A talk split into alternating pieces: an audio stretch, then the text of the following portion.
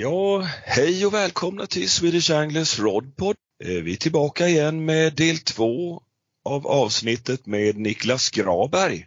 Och här är jag, Palle Sköldblom och Tomba som är med som bisittare.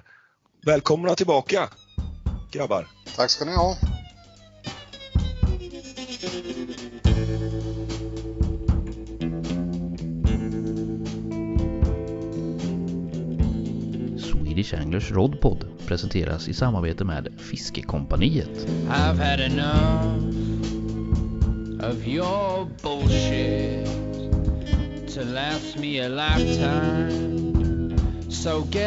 Here. I don't wanna see you around. Fråga hur har det gått i stormen här? Det har varit en storm som heter Malik som har dragit förbi. Har ni varit ute och metat något? Nej du, jag hade ju faktiskt en plan att jag skulle åkt till Svartån igår men eh, med tanke på eh, vindarna som var så la jag faktiskt ner den planen. Eh, det brukar ju blåsa rent allmänt uppe på Östgötaslätten så man behöver faktiskt inte välja de här helgerna när det blåser som det gjorde den här helgen. Så det blev inget. Nej, ja, det är sjukt vad det kan blåsa ute på Östgötaslätten alltså. Det, vinden tar ju i, ja det är ju några kilometer den har och, och dra på alltså. Så det, det känns när det blåser där. Ja, och det finns ju liksom, man kommer inte undan. Det är det som är problemet. Alltså det finns ju ingenstans att gömma sig för vinden där uppe i och med att det, det är slätt. Ja, det är ju så faktiskt. Vad säger du Tom? Har du varit ute och metat någonting eller? Nej, jag hade grejerna framme men det vart ingenting. Det var bara att glömma. Ja, det var så ja. Nej, det var helt sjukt vad det blåste. ja. Det var knappt som man kom ut genom dörren. Nej. Jaha, ska vi köra igång lite fiskesnack igen? Jag tycker vi kan eh, ta och börja prata lite abborre. Det är ju mm. något som är riktigt kul alltså. Eh, du har ju fiskat en del abborre genom åren Niklas och du och jag har ju varit ute något pass och fiskat faktiskt. Ja, absolut. Det, det var ju, som jag tänker tillbaka här, det måste ju varit någon gång där runt 96 eh, eller någonting sånt där va? Eh, skulle jag kunna tänka mig. Det var egentligen uppkomsten var väl, jag, jag tog ju kontakt med Johan Hedman där. Eh, Ursäkta, tjenare på er. Det var Johan Hedman med här på tråden faktiskt. Ja men kolla här! vilken, vilken överraskning! jag kunde inte låta bli, vet. jag hörde rykten om att det skulle poddas med dig ikväll Niklas, så att det var en punkt på agendan var lite abborrfiske. Ja, och då tänkte jag att eh, fasiken, det, det kan jag inte låta er hålla på med själva. Så att jag, jag, jag bjöd in mig halvt och halvt själv där. Ja, underbart! Eh, så vad, vad, är det sen? Är det 20 år sedan vi pratades vid så här kanske? Eller någonting? Typ. Eh, jag, skulle, jag kom på att det var någonstans där. För jag, egentligen uppkomsten till hela var väl egentligen att vi, eh, det var väl Stjernquist och jag och Nicke tror jag som var i på förbjuden mark eh, runt 94 där någon gång på, eh, ja. inne på kärnkraftverket och, och tjuvfiskade abborre. Eh, lyckades eh, inget vidare om jag ska vara helt ärlig. Jag, jag var den enda som fick någonting. Eh, jag fick någon på 1660. Jag tror det var enda abborren vi fångade och sen Ja. Låg, låg vi mest och gömde oss i buskarna för vakterna var där och, och eh, ja, de hade väl liksom aningar om att vi var där. Så att, nej, det, jag kände att det där var inget för mig. Det var för, eh, för spännande. Så att, eh, men då, då, då, läste man ju lite om ditt abborrfiske där. Så det var väl egentligen på den vägen det var att jag tog kontakt med dig och kolla läget om man kunde hänga med ut någon gång. Så. Jajamän. Jag kommer ihåg det upprinnelsen var, för det, det, du, det, du har bra minne där. Det var, jag tittade på mina gamla fotografier här idag. Det var ett som var daterat 15 september 96 och jag skulle påstå att det var första passet tror jag. Ja, var det. Jag vet att eh, våren innan eller våren 96 där, så hade vi lite kontakt. Jag tror att det var en, det var väl fiskemässa då ja, det året. det var det nog. Ja. Jag vet, jag fick, ett, jag fick ett handskrivet brev av dig för lite tips om Svartån, kommer jag ihåg. Jag har kvar det brevet fortfarande faktiskt. Det var lite stort att man fick det från Graberg, kommer jag ihåg, liksom om alla små bakvatten och hur man skulle smyga sig fram till att fiska nära alla kanter och sådär. Så att det, det var Ja, det var lite stort, men sen så var det, ja det måste varit 15 september 96 tror jag som var första passet faktiskt. Ja. Så det var ju du och jag och Palle Oj, faktiskt som var oj, ute oj. Ja, Palle, du var med då med. För det, det var jag lite så här när jag satt och funderade över det. Så fick Ja. jag sån flashback. Jag undrar om inte Palle var med då? Jo, men jag var ju det. Och grejen är att jag gjorde ju ett, inget bra avtryck, så jag förstår att du inte kommer ihåg mig. Nej, nej, så jag, jag hade eh, den mest undermåliga utrustningen med mig, som man kan tänka sig. Jag hade ett femfots eh, jiggspö med eh, 016 nylonlina. Och jag lyckades inte kasta bra alls med det där, så att jag kom väl halva kastlängden mot vad ni gjorde på det här passet. Så jag var med den första dagen eh, när vi fiskade och eh, jag fick någon 1550 eller något sånt där kommer jag ihåg. 1510 kanske eller någonting men eh, eh, ni lyckades ju bra mycket bättre gjorde ni och eh, ja, jag har lite skam i kroppen för det där. Jag kommer ihåg det där spöet för det böjde sig liksom ända ner i botten på typ en två hektars abborre som du fick. Så varje fisk du fick där kände man så här, fasiken nu, nu sträckte du den stora pallen men det var, så var det ju inte riktigt. Nej, precis. Niklas, vad kommer du ihåg från den dagen?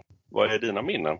Alltså det, dels så var det ju, för den, den helgen vet jag, då jiggfiskade vi bara. Jajamän. Och jag har ju, jag har ju egentligen fantastiska minnen från den dagen för att det jag fick uppleva där var ju, var ju ganska unikt. Eh, jag vet vi, vi fick, alltså vi hade rätt mycket problem med gädda och vi fick ju schyssta abborrar också men, men gäddorna var ju bra i stöten den dagen. Så att eh, jag vet jag blev av med, jag tror jag blev av med fem jiggar på rad, alltså på gädda.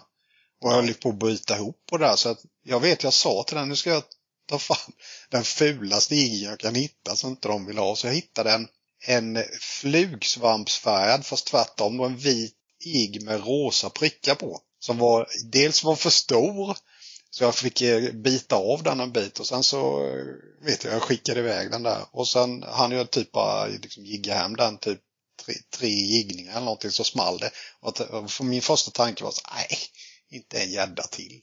Men sen, den hängde ju med bra där och kändes ju som att det var en schysst fisk. Och sen kom ju in en sån jädra abborre. Och det var ju, det var ju ett nytt PB då på 1 och 9. Ja. Den vägde prick, prick 1 och 9.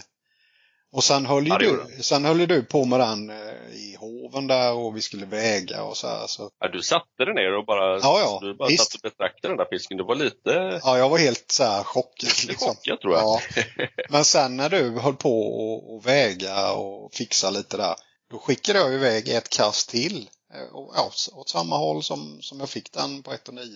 Och han ju Ja. liksom bara studsa in den två, tre studs på botten så small det ju igen. Så fick jag ytterligare en som vägde prick 1 och 6. Precis. Så jag hade, jag hade ju liksom två abborrar som vägde 3,5 kilo i två kast. Det var ju helt galet. Ja, det var en fantastisk dag. Fantastisk första dag faktiskt Ja. i skärgård som vi hade där. Det var helt otroligt. Och jag kommer ihåg att vi, vi avvaktade väl lite grann, Palle och jag, med det där stället. Vi tänkte att det kanske inte ska vara... Vi fiskade med ganska så bra självförtroende på den tiden. Vi var nog ganska säkra på att du skulle lyckas att få någon stor faktiskt. Men vi tänkte att vi kan ju inte börja kanske på den hetaste platsen. Så vi, vi åkte ju runt. Vi Ja, var gjorde ganska vi. många platser faktiskt innan och drog ja, lite mindre fisk och som du säger ganska gott om gädda på sina platser innan vi åkte in till, till den här platsen då som ja, vi visste var bättre. Ja. Eh, Ja. det var ganska så sent på den dagen som du lyckades dra din svit där. Ja, för det, jag vet eh, bilderna på de två abborrarna, de är så här, eh, ja, jag ska inte säga att det är mörkt, men det började mörkna så att eh, himlen är ganska mörk liksom på de bilderna. Ja, precis. Så det måste ja. varit ganska sent på eftermiddagen. Kallade vi inte den där, eller det var inte den jiggen, för jag vet du, du köpte på dig flera sådana här jiggar, så men kallade vi inte det för Jo, polkagrisjiggen? eller någonting? exakt. Visst var, visst var det så? ja, Den var rätt så anskrämlig. Ja, Det var nästan alla jiggar på den tiden för det, det var, fanns ju inte de här häftiga motoroil och grejer och sånt att få Nej. tag på utan det, det var knallgula, det var knallorangea, vita, knallröda. Ja, det var de här skrikiga färgerna. Jag tror vi gillade ljusgrön var ganska populär Ja, utav de där. Man köpte de här jiggsätten men jajamän. nu ser ju jiggutbudet helt annorlunda ut än vad det gjorde Eh, då. Lite annorlunda idag. ja verkligen. Ja. verkligen. Ja, ja det, var, det får man ändå säga att det var en lyckad eh, första dag för det där ju. Ja. Men sen, sen körde vi ju på, jag kan inte riktigt komma ihåg hur många, hur många år, men tre olika säsonger måste det varit egentligen, var Niklas, som ja, du... det var det. Fast den här, den här var ju outstanding bäst den första säsongen. För även, det här var väl lördagen tror jag den 15. Jag tror, jag tror att det var en helg jag var nere. Ja, men det var det. Och sen vet jag, fick någon stor på söndagen med på 1840. Och det var ju där inne på typ samma område vi fiskade den dagen. Mm. Helt magisk helg. Jag kommer ihåg att vi hade, för då var det bara, ja, då var inte Palle med den dagen. Då fick, fick ditt lilla femfotsspö vila den dagen. Ja. Eh, precis. Så, för då hade vi trögt fiske. Jag tror att Ja. vi fick, nu kan jag komma ihåg fel, men vi fick typ 10 abborrar var. Ja, någonting. Och vi fick varsin 1800 här för mig. Ja. Sånt där. Ja. Eh, och det var en jättestor kontrast mot dagen innan, för då hade vi, som jag kommer ihåg, det ganska så bra mängdmässigt också faktiskt den dagen du fick eh, den där stora då. Men sen var jag även där samma, samma år så var jag ju nere ytterligare en gång. Eh, jag tror det var en helg emellan så det måste varit typ sista helgen i september så körde vi en helg till. Mm. Och, men då körde vi med loja. Ja, precis. Det då låg vi li, li, på ett lite annorlunda område. Det var någon sten vet jag vi eh, låg Jajamän. utanför. Och det fisket vi hade den helgen, det var något helt makalöst. Jag, jag tror alltså vi hade, vi måste ha haft över hundra abborrar som snittade på typ kilo. Ja, det var makalöst. Någon, jag kommer inte ihåg, men så här 11 eller 14 stycken över 1400 och sånt där tror jag vi Jag tror att vi fick ingen riktigt, riktigt stor den helgen men jag tror både du och jag hade två över 1700. Men, Ja, det är min, det är min bildespill också faktiskt. ja, men jag, tror inte vi, jag tror inte vi hade någon över 1800 men eh, Nej, nej, jag tror inte det. Det var då ekologstekniken har gått framåt sen dess. Men då, jag kommer ihåg, vi hade ett ekolod med, oss med sådana fisksymboler. Och kommer du ihåg att du frågade mig, är det någon fisk nedanför båten? Ja, men det är en fisk där, sa jag. Sen droppade du ner. Kommer du ihåg vad som hände då? ja, ja. Jag drog en 1700 precis där. Det var ja, nog helt det var nog otroligt. sannolikt inte det vi såg på ekolodet, men faktum är att vi, vi, vi trodde det i alla fall. Och det, det, det kom ju upp en stor. Ja, det var helt makalöst. Det, det, och vi hade, däremot var inte vädret något vidare den helgen. Det regnade i stort Nej. sett konstant men det märkte ju inte vi. Vi bara körde på. Precis, ja, det kommer jag ihåg. Och sen, det kanske var året efter sen när vi var, eh, visst var det väl så att både du och jag, Stjernquist och även Niklas Nilsson, att vi körde ihop? Gjorde vi inte det? Jo, någon gång gjorde vi nog det, men det var nog året efter tror jag. För den här, Ja, det första året då 96, då tror jag inte jag fiskade med någon annan än dig. Nej. Nej, men så var det nog. Men däremot så, det, undrar om inte det var samma helg där som vi hade så bra fiske som vi träffade på. Var inte Esbjörn och Krause ute med då? Oh, Jag för mig Esbjörn tog någon två kilos abborre. oh, det stämmer. Jag kommer inte ihåg om det var samma dag där, men det var i någon av de dagarna vi fiskade där så eh, låg de lite längre bort där och eh, drog någon, någon två kilos där. Det, det kommer jag ihåg. Ja, då har vi, då har vi samma minnen. Ja, det är inte, det är inte dåligt. Han sa det, Palle, vilket minne Grabar har. Det, och det Ja. måste jag säga, det, det, det har du verkligen. Ja, ja, men det här med fiska och vikter och datum och sånt där. Det, det, på något sätt sitter det någonstans långt bak i hjärnbarken. Men sen är jag ju ibland svårt att komma ihåg vad som hände igår. Men, Ja, Ja, men det är ju så.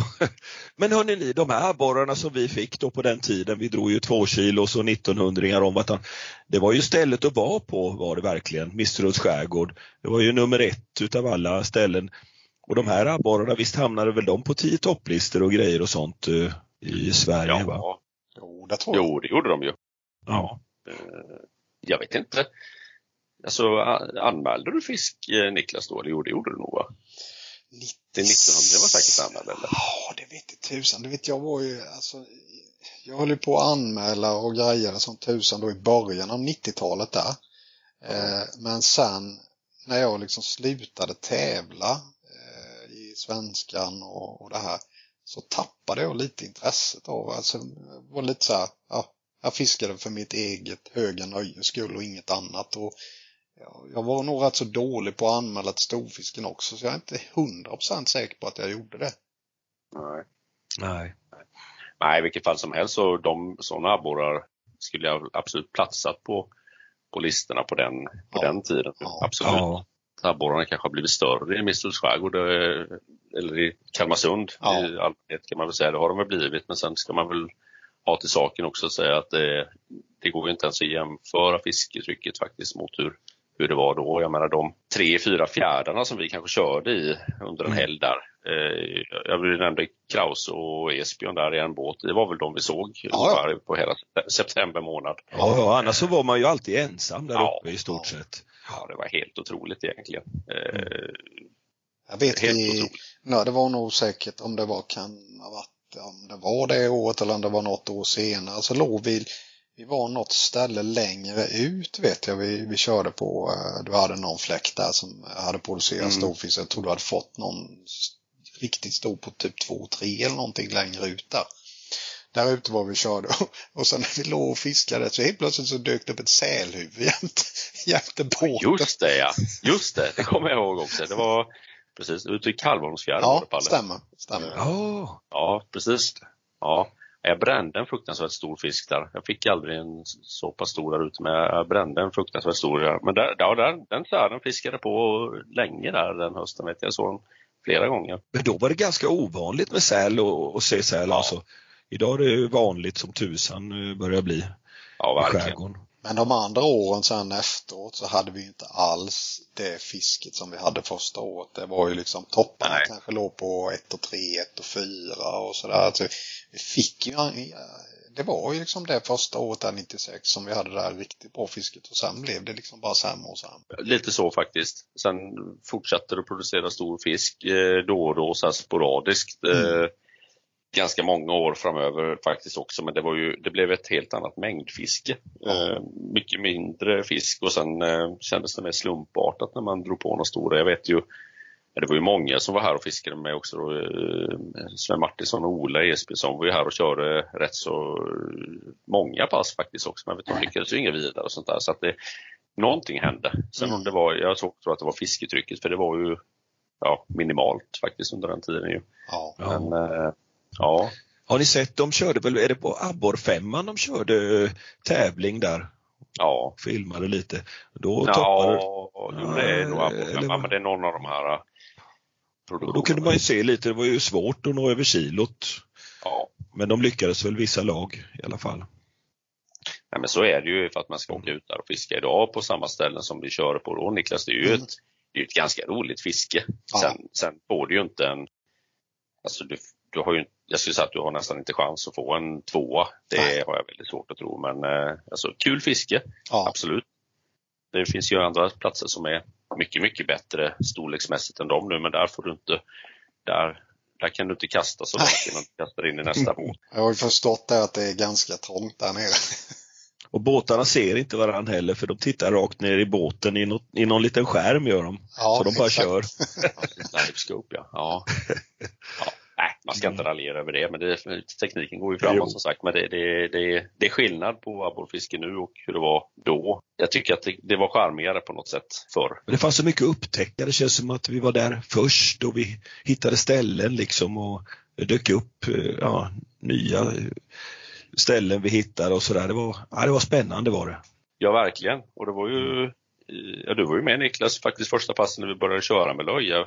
Ja. Vi hade ju inte gjort det innan Palle heller utan vi, vi Nej. eh, på den tiden var det ganska lätt att fixa betesfisk. Det var ett, ett hovtag i, vid kajen i Figeholm där och sen så var det klart för dagen. ja, det var helt makalöst med löja där inne. Ja, det var magiskt var det. Och sen var det ju faktiskt, eh, ja, det var ju succé direkt med löjfisket där. Det hade vi väl inte trott något annat heller. Men faktum är att vi hade ju bara jiggfiskat på de där platserna innan. Ja, rent mängdmässigt sett så var det liksom helt överlägset. Att, eh, jag menar, vi, vi köttade ju abborrar på de där löjorna. Alltså, det var helt galet. Ja, ja verkligen. Nej, det, var, det var häftigt var det, absolut. Har du, men sen, har du fått någon större efter det Niklasen? Det har du va? Ja, det har jag faktiskt. Det är fortfarande min tredje största abborre. Eh, Ja. Den på 1900. Jag har Ja. eh, faktiskt lyckats att plocka två stycken. En på 1910 och en på 2050. Så att jag har faktiskt sprängt den där tvåkilosvallen. Ett par Röglefiskare eller? Jajamän. Ja. Ja, det är fantastiska fiskar. Ja. Och båda har faktiskt varit efterleksfiskar. Så att, eh, ja, det är coolt. Det är stora fiskar det. ja. Fasen. Ja, jag är riktigt sugen på att testa det där abborrfisket i Rögle också. Det är något annorlunda. Mm. Och an, annorlunda är kul. Det kräver sin man för det är, inte så att det nappar hela tiden. Nej. Men det har du inte provat att riktat fisket ordentligt efter abborre innan leken i, i Rögledammar Niklas eller? En enda helg har jag testat. Okej. Och Ja. Det var ett antal år sedan tillbaka som jag testade att köra en någon helg i slutet av mars eller någonting sånt där. Ja. Jag satt och fiskade typ eh, 11 timmar per dag eller någonting sånt. Och det enda som hände var typ en timme innan jag skulle åka hem. Då fick jag en sån riktigt fin bugning och krokade. Och det kändes ju, ja, det här, det här är en riktigt fin fisk. Och så kom det in, eh, ja det kom in en 2,5 kilos fisk men tyvärr var det fel art. För den saknade ränder så det var en brax. Ah, Ja, de lyckades du fånga i Rögle. Ja, Braxarna. Ja, men- men den, just, just den gången vill jag faktiskt inte ha den. nej. Ja, Nej, så jag har faktiskt eh, på det vårfisket där nere och det är enda gången jag varit där nere. Det, är- det är ju lite, det är ju, det är ju rätt nyckfullt det där fisket också så jag förstår liksom att alltså de som lyckas bäst med det fisket där nere det är ju hemmaborna egentligen, de som har nära åka, som kan åka kontinuerligt hela tiden och fiska liksom eftermiddagar och helger och liksom så att man verkligen har många pass för det, det, det kräver många timmar för att lyckas där nere. Alltså. Mm. ja, ja. Och det blir svårt, eh, svårt att göra det. Visst, man kan naturligtvis lägga en, eh, en vecka eh, på det fisket eh, om man känner för det. Men det har liksom aldrig riktigt lockat mig. Då väntar jag hellre till det blir lite varmare och fiskar braxen istället. ja. För du har kört lite abborre bara vid eh, sidan om braxenfisket då kan man säga. Roat det lite på dagarna. Kör du någonting Johan då i alltså dina hemmatrakter efter abborre nu för tiden? Jo, men jag fiskar väl på lite grann. Sen är det inte alls eh, samma mängd på antal fiskepass efter abborre som det var förr. Men, eh, nej, men lite grann försöker man väl hinna med i alla fall. Mm. Sen är det ju lite annorlunda här nu. Det är klart att de, de kanske absolut bästa platserna, de är ju eh, helfredade faktiskt nu. Ja, Någon vik har vi här som är fredad året runt fram till, vad är det, fallet till 2027 va? Ja, det, det är nog så länge ja. Mm. Sen samtidigt måste jag säga, och, och lite har det väl liksom tagit udden ur den här eh, härliga upptäckarkänslan. Den finns ju inte kvar längre utan du, du är ju du är ju inte själv någonstans längre. Nej, jag Eh, förstår det. Visst, Nej. men det, fin det finns ju platser och, och eh, skärgårdsområden här där, du, där det inte gör någonting om det är 50 båtar ute för du hittar ändå aldrig Alltså du kan hitta platser att fiska själv på i alla fall då. Mönsterås, Tibbinabben, de håller, men, men det är ändå den här känslan att kanske vara först på ett plats, en plats för en dag och så här, den, den, den, finns inte riktigt längre. Jag tycker jag kan, man kan sakna det där. Och Det är Ja. inte att man, man låter bitter kanske, men det, jag vill inte ta liksom eh, glädjen från alla som åker hit och fångar stora abborrar utan det, alla är ju välkomna att göra det självklart men eh, jag tycker att det inte, det finns inte samma glädje längre kanske då att fånga en stor abborre här ute som det var förr då. Nej. Det, det, det är väl lite skillnad tycker jag. Ja, jag känner precis som du Johan, ja, faktiskt. Det är lite så luften har gått ur en på något sätt. Det finns... Finns det eh, ju, jag menar vi har väl platser fortfarande där det inte är någon folk så direkt men det är ju inte de här, ja det kan vara kul fiske på, på de platserna absolut men det är inte de här eh, riktigt, riktigt stora abborrarna som man kanske fångar när Timmernabben och Mönsteråshållen nu, det, det är det ju inte. Nej. Så det, det, det är svårt att upptäcka något, något nytt. Utan ska man, ska man ha stora abborrar nu, vilket man har jättestor chans att få för att man åker ner och, och campar ihop med alla andra som sagt i Timmernabben till exempel så har du ju stor chans att, att få en stor fisk, absolut. Absolut. Men eh, nej men lite, vi har väl kört på lite grann, Palle lite grann tillsammans och fiskat Ja. och lite på oss själva också de sista åren så att det, det, det har jag inte lagt ner och kommer väl aldrig att göra heller utan eh, det kommer väl alltid att finnas kvar abborrfisket så, så är det väl. Ja, det ligger varmt om hjärtat ändå. Jo men det gör det ju fortfarande, det, det måste jag säga. Det är därför jag vet att vi har diskuterat mycket det här att man kanske skulle ge, ge Rögle dammar ett test men det, det krävs tid och kanske mer tid än vad man egentligen känner att man har för just det fisket. Då. Det är, allt, det är alltid det där med tiden. Ja, så är det ju. Det. Ja, men sen kan man ju sakna som fisket kanske då där. Eh, där vet jag att du fiskade en del abborre förr Niklas innan, egentligen innan vi började fiska i Misterhults skärgård så hade du ganska så mycket fiske efter abborre i Lödde. Ja, och det var ju också himla kul fiske där nere. Alltså där fick man ju också, alltså jag ska inte säga att det var vansinniga mängder fisk. Men det, de fiskarna man fick var ju oftast ganska schysst storlek på. Jag tror jag fick upp till typ 16, 60 eller jag tror det var, jag tror det var min första eh, storfiskägg på, på abborre fick jag där nere. Mm. Så att eh, det var ju bra abborrfiske till Lödde och det är det ju fortfarande idag. Så att eh, de får ju riktigt, riktigt fina abborrar där nere med. Så det, det är väl någonting som man har funderat på lite också. Att man kanske borde ta upp det här löddefisket igen också. Ja.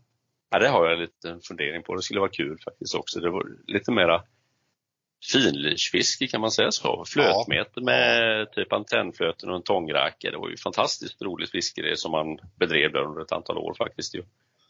Nej, så det, är, det finns många fina abborrvatten. Absolut, absolut. Ja, Ja, det finns att göra fortfarande på abborrfronten. Och ja, Ja, ja, så är det. Jaha, hörru ni. Jag eh, tänkte att jag skulle syssla med lite annat här ikväll så att jag skulle bara vara med och dels prata lite med dig Niklas för det var så länge sedan och sen så är det alltid kul att snacka lite abborrfiske. Oh, Speciellt om, otroligt roligt att du dök upp. Det var verkligen en överraskning. Vi kan väl ha som målsättning att det kanske inte ska dröja, nu vet jag inte hur många år sedan, men det kanske är 20 år sedan vi Ja. Eh, pratades vid så här. Vi kan väl göra det lite tätare i alla fall. Ja, vi vi, väl vi låter inte det gå 20 år till. prova halvera tiden i alla fall. Ja, eh, eh, inte ens det. Nej, nej jag håller med. Ja, jag håller Kul med. att stråla samman framöver. Så, eh, ha det bra, Ja. så hörs vi. Detsamma. Ha det så gött du med. Härligt. med. Sköt om dig. Hej. Samma. Hej! Hej. Ja, ja, trevligt. Ja, det var en överraskning som hette duga. Ja, den gode Hedman. Ja, det var jag inte med på. Nej. Ja, jag fiskar mycket med honom fortfarande. jag. Det är en god kille är det. Ja, jag tycker du ska fortsätta med. Jaha, sen så eh, du har rest mycket norröver också har du gjort genom åren. Ja, det har ju faktiskt blivit ett eh, antal resor norrut. Eh, och det, Ja. det var ju faktiskt eh, tidigare än det här abborrfisket vi just snackade om. Då. Det här var ju liksom i faktiskt i början av 90-talet. Eh, Ja. Stjernquist och jag hade väl snackat ihop oss om det där ett tag. Att vi borde liksom ah, göra en, eh, en resa norrut. Och då var det ju harr och id egentligen som vi siktade in oss på. Då. Mm. Så första, första resan vi drog norrut var 92. Eh, först, det var tidigt. ja, första majveckan 92 så skulle vi eh, lägga en vecka där uppe. Fast då gjorde vi faktiskt först ett stopp. Eh, vi ville ju få med så mycket. Det var ju alltid så här, man ville hinna med så mycket som möjligt. Så då, då gjorde vi faktiskt först ett stopp i eh, Testerborn. Eh, För Vimma hade vi aldrig fiskat någon av oss. Så det, jo, jag hade faktiskt fiskat Vimma någon gång nere i, i Hossmån men det var ju typ så här max fem hektar eller någonting som de fick där. Men eh, här skulle, Ja. Testerborn skulle det ju finnas eh, större saker då. Det visste man ju. Så vi fiskade, vi började med att fiska två dagar där men det gick inget vidare. Jag tror inte jag fick någon vimma över åtta hektar eller någonting sånt där. Så det, det var lite så här halvfiasko. Så då drog vi vidare därifrån. Och det var ju, nästa stopp var ju harrfiske då. I Indalsälven. Och eh, om jag inte minns helt fel, det här det kan kan vara ute på hal is här, men jag har för mig att jag Stjernquist hade studerat där uppe eller någonting, så han hade ju lärt känna lite folk eh, runt eh, eh Östersund som hade tipsat lite om det här fisket efter harr. För de samlades ju upp på vissa sträckor eh, för att leka då. Hade, ni- får jag fråga, hade ni med bivy och sov i eller åkte ni runt? Sov ni i bilen? Eller? Nej, det var faktiskt eh, det var bil på den tiden. Eh, Ja. Det kände vi liksom att nej, eh, vi skulle inte ha med oss något tält utan då tog vi med oss en madrass så att vi kunde sova, fälla sätena på bilen och så sov vi där bak i bilen istället. Åh, ja, en redig ryggdödare. Ja, det var eh, väl kanske ingen höjdare men eh, det, det fick ju gå. Liksom man, eh, man ville inte ha med sig så mycket grejer heller på den tiden så det har ju i och för sig, har i och sig ändrat sig men eh, då eh, var det liksom eh, mer lite minimal utrustning som man släpade med sig. Så där, där, de resorna sov vi faktiskt i, i bilen. Ja.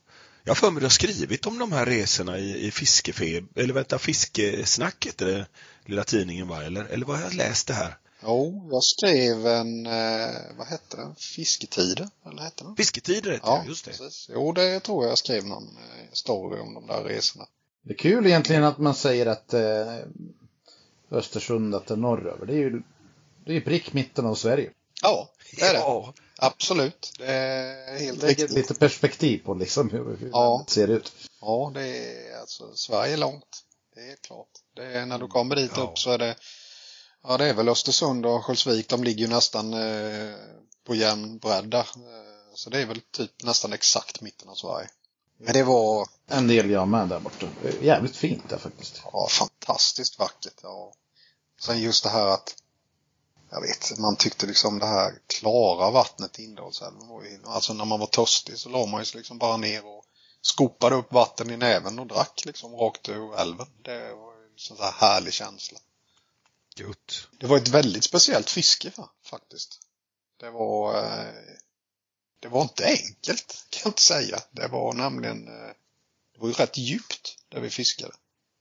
Eh, och så ville vi liksom köra trotting med avonflöten och men det var ju typ så här fyra och en halv meter djupt så att man fick ju nästan, alltså flötet ner till kroken var ju längre än spöet var så att det var ju liksom så här halvjobbigt att kasta.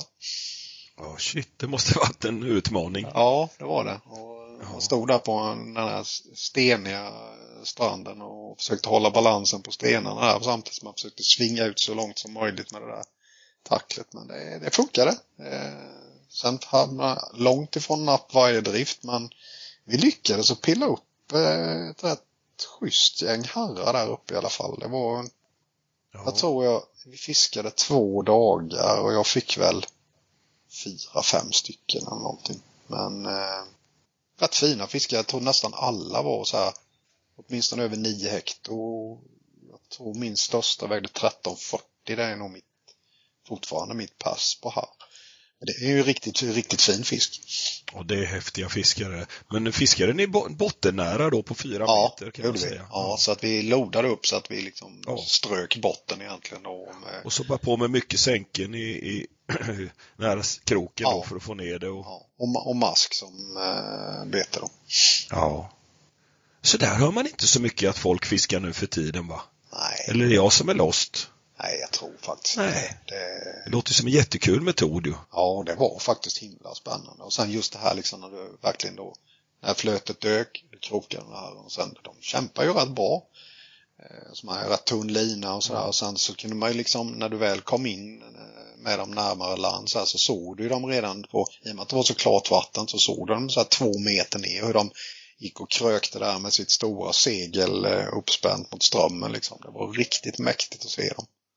Ja, vad fräckt. Ja, så det var, det var en härlig känsla. Och så, så här, ja, vi levde ju liksom på rätt eh, minimal kost men eh, det vi, jag vet faktiskt att någon här fick sätta livet till så vi, eh, vi tände en eld där på kvällen och sen eh, rullade vi in den här har, rensade harren då och sen kryddade upp den lite med salt och peppar och citronpeppar tror jag vi hade med oss. Och sen så rullade vi in den i eh, blött tidningspapper.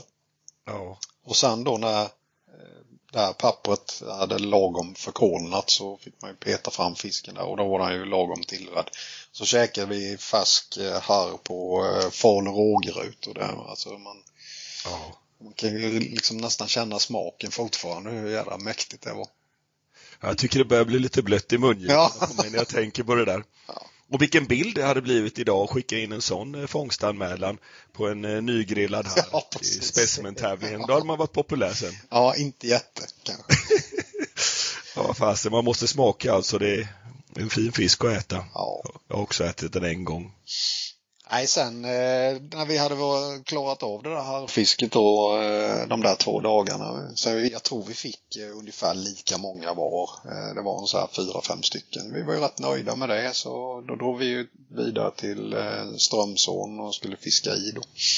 Och det var ju lite så här, man på den tiden jagade man ju som vanligt. Det var ju liksom specimentävling och det var storfiskregistreringar och så vidare. Så målsättningen med Strömsån var ju liksom att man skulle kryssa av det här id-regget på 2,5 kilo. Jag vet inte vad det är ens idag, om det är 2,7 eller vad är det? Så, eller något sånt där. Jag, jag kan inte det där. Eller.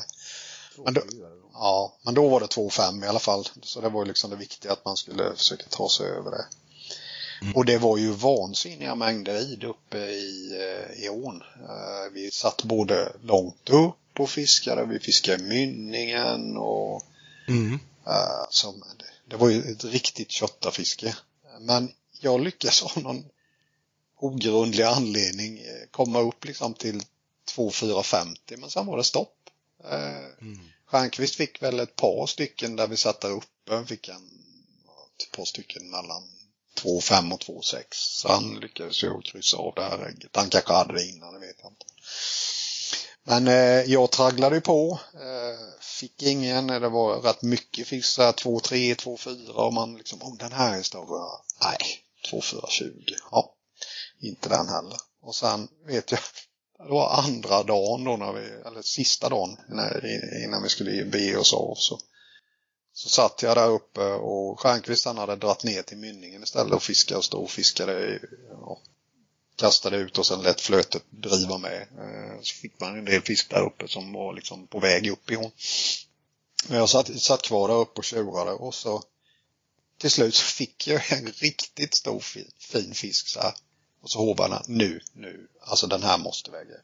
Och så tittar jag på den här. Ja, då sitter liksom kroken i hakan istället.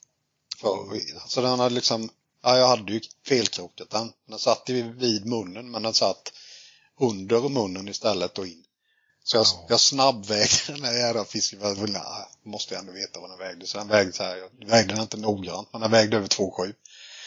Och så började jag så höra knäckt så då så sket jag, ja, jag, ja, jag skiter här nu. Jag går ner, jag är skitförbannad så jag gick ju ner, eh, skulle gå ner till Stjernquist då. Och, då, och då, vad, vad, som hände precis när jag kom ner var att han liksom vevade in en så här, ja den här ser fin ut och så fick han ytterligare en över 2,5. Jag var så jävla tjurig så jag bara satte mig i bilen. oh, så var jag fruktansvärt knäckt. Så ja, det, det, så slut, slutade den resan. Sen åkte vi faktiskt på tillbakaväg och stannade vi till i Testerbron en dag till och då fick jag någon eh, pimma på 990 gram och då var nog eh, ett kilo och nog vägg tror jag eller något sånt där.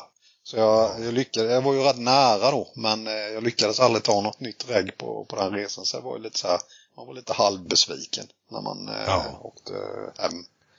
Det var ju ändå en bit att åka. Ja, men det där fisket i Strömsån, visst, visst var det väl så, jag har inte varit där själv, men visst nappade fisken så här ganska så friskt? Och ja, ja, ja, visst. Det var inte som i, i Småland här när man fiskar, de är så tjuriga, de simmar, man, man trottar förbi hundra fiskar och sen så kanske en nappar och... Nej, det var, var ju liksom, det var ju typ napp i varje drift. Det var ja, helt makalöst eh, mycket fisk uppe som nappade. Ja. Så det var... Och det var eh, mask och Ja, Maggot mask och Maggot och majs. Vi körde väl det mesta egentligen men eh, det var ungefär samma. Det var ju nog egentligen mest att det skulle vara något på kroken. De nappade nog på allting egentligen. Det som gled, ja. gled förbi. Ja, just det. Alltså, men eh, hur är det fisket nu idag egentligen? Jag vet faktiskt inte. Jag har inte hört någonting om Strömsån på väldigt, väldigt många år. För det var, det var ju bra och det åkte ju upp riktigt stor fisk där uppe. Jag tror det var mm. så här tre och fyra och sånt som kom Ja, det var coolt. Vet du något Tomba, du som är från Norrland? Från Norrland? Ja. Eller Nej. ja, ty, typ. Nej, jag har faktiskt ingen, jag har faktiskt ingen koll på det där. Nej. Eh, baronen borde väl veta? Ja, han borde veta. Han bor väl i han, trakterna. Han bor ju i Lappland typ. Ja. Nordkap. Ja. Ja, sen åkte vi ju tillbaka igen eh, året efter. Eh, fast då, då eh, struntade vi i Testerborn så då skulle det liksom bara fiskas. Eh, och då vände vi på det så att då åkte vi rätt upp till Strömsån. Mm. Och körde igång med id-metet direkt. Och då, då satt vi egentligen bara där uppe för det var sjukt mycket fisk uppe. Och vi satt på, när vi kom dit så var det två Jag är inte 100% säker på att jag har koll på vilka det var. Det är ju som sagt några år sedan. Men det var två killar från Stockholm United och jag tror att det var Jeppe Eriksson och Henke Sandahl som satt på norrsidan. Jag tror inte egentligen man fick sitta där. Det var någon stuga och ja, det var lite så här halvsuspekt. Ja, men då var det säkert dem. Ja, det känns De, så. de är skummisar. Ja, precis. Det var skoj. Nej, men de satt där på den sidan och de, de hade ett grymt fiske. De fick jävligt mycket stor fisk den dagen. Jag tror att de fick fiska upp mot närmare 3 kilo, åtminstone över 2,9. Och vi satt på andra sidan, och, men vi fick bra vi också. Och där, då lyckades jag ta på 2,680 eller någonting så här. Så då har man ändå liksom kryssat av det där eh, regget Ja. i alla fall. Så var man ju rätt så nöjd med det. Men sen dag två, då tror jag de stack iväg, eh, om det nu var Henke och Jeppe. Så då tänkte vi att, ja men, det var ju, det verkade som att det var större fisk på den sidan. Så vi, då tog vi chansen och tog över den platsen där. Och vi hade, vi hade ett grymt fiske den dagen. Eh, Jag tror jag hade 11 över 2,5 och Oj. 5 över 2,7 och fortfarande mitt pass på id på 2,905 eh, Mm. tog jag den dagen. Så det var ju ett riktigt, riktigt guldfiske. Eh, Så det var ju så här riktigt god avslutning och det var sista gången jag fiskade i Strömsholm så att det var liksom sista dagen eh, var det absolut bästa fisket jag hade där så det var ju liksom ett gott minne att lämna med egentligen. Ja, vilket minne alltså, vilken, vilka sviter Ja, att dra sådana fiskar. ja så det var riktigt kul. Mm. Och sen drog vi då vidare till Indalsälven efter det och vi hade bra, vi inledde den första dagen där typ tog nog nästan 10 harrar så vi hade, vi hade bra fiske upp till strax över 1200 eller någonting sånt. Så att, Ja. då, då var vi så här, "Ja, men alltså, det, här, det här kommer bli skitbra, vi kommer säkert ha lika bra fiske imorgon.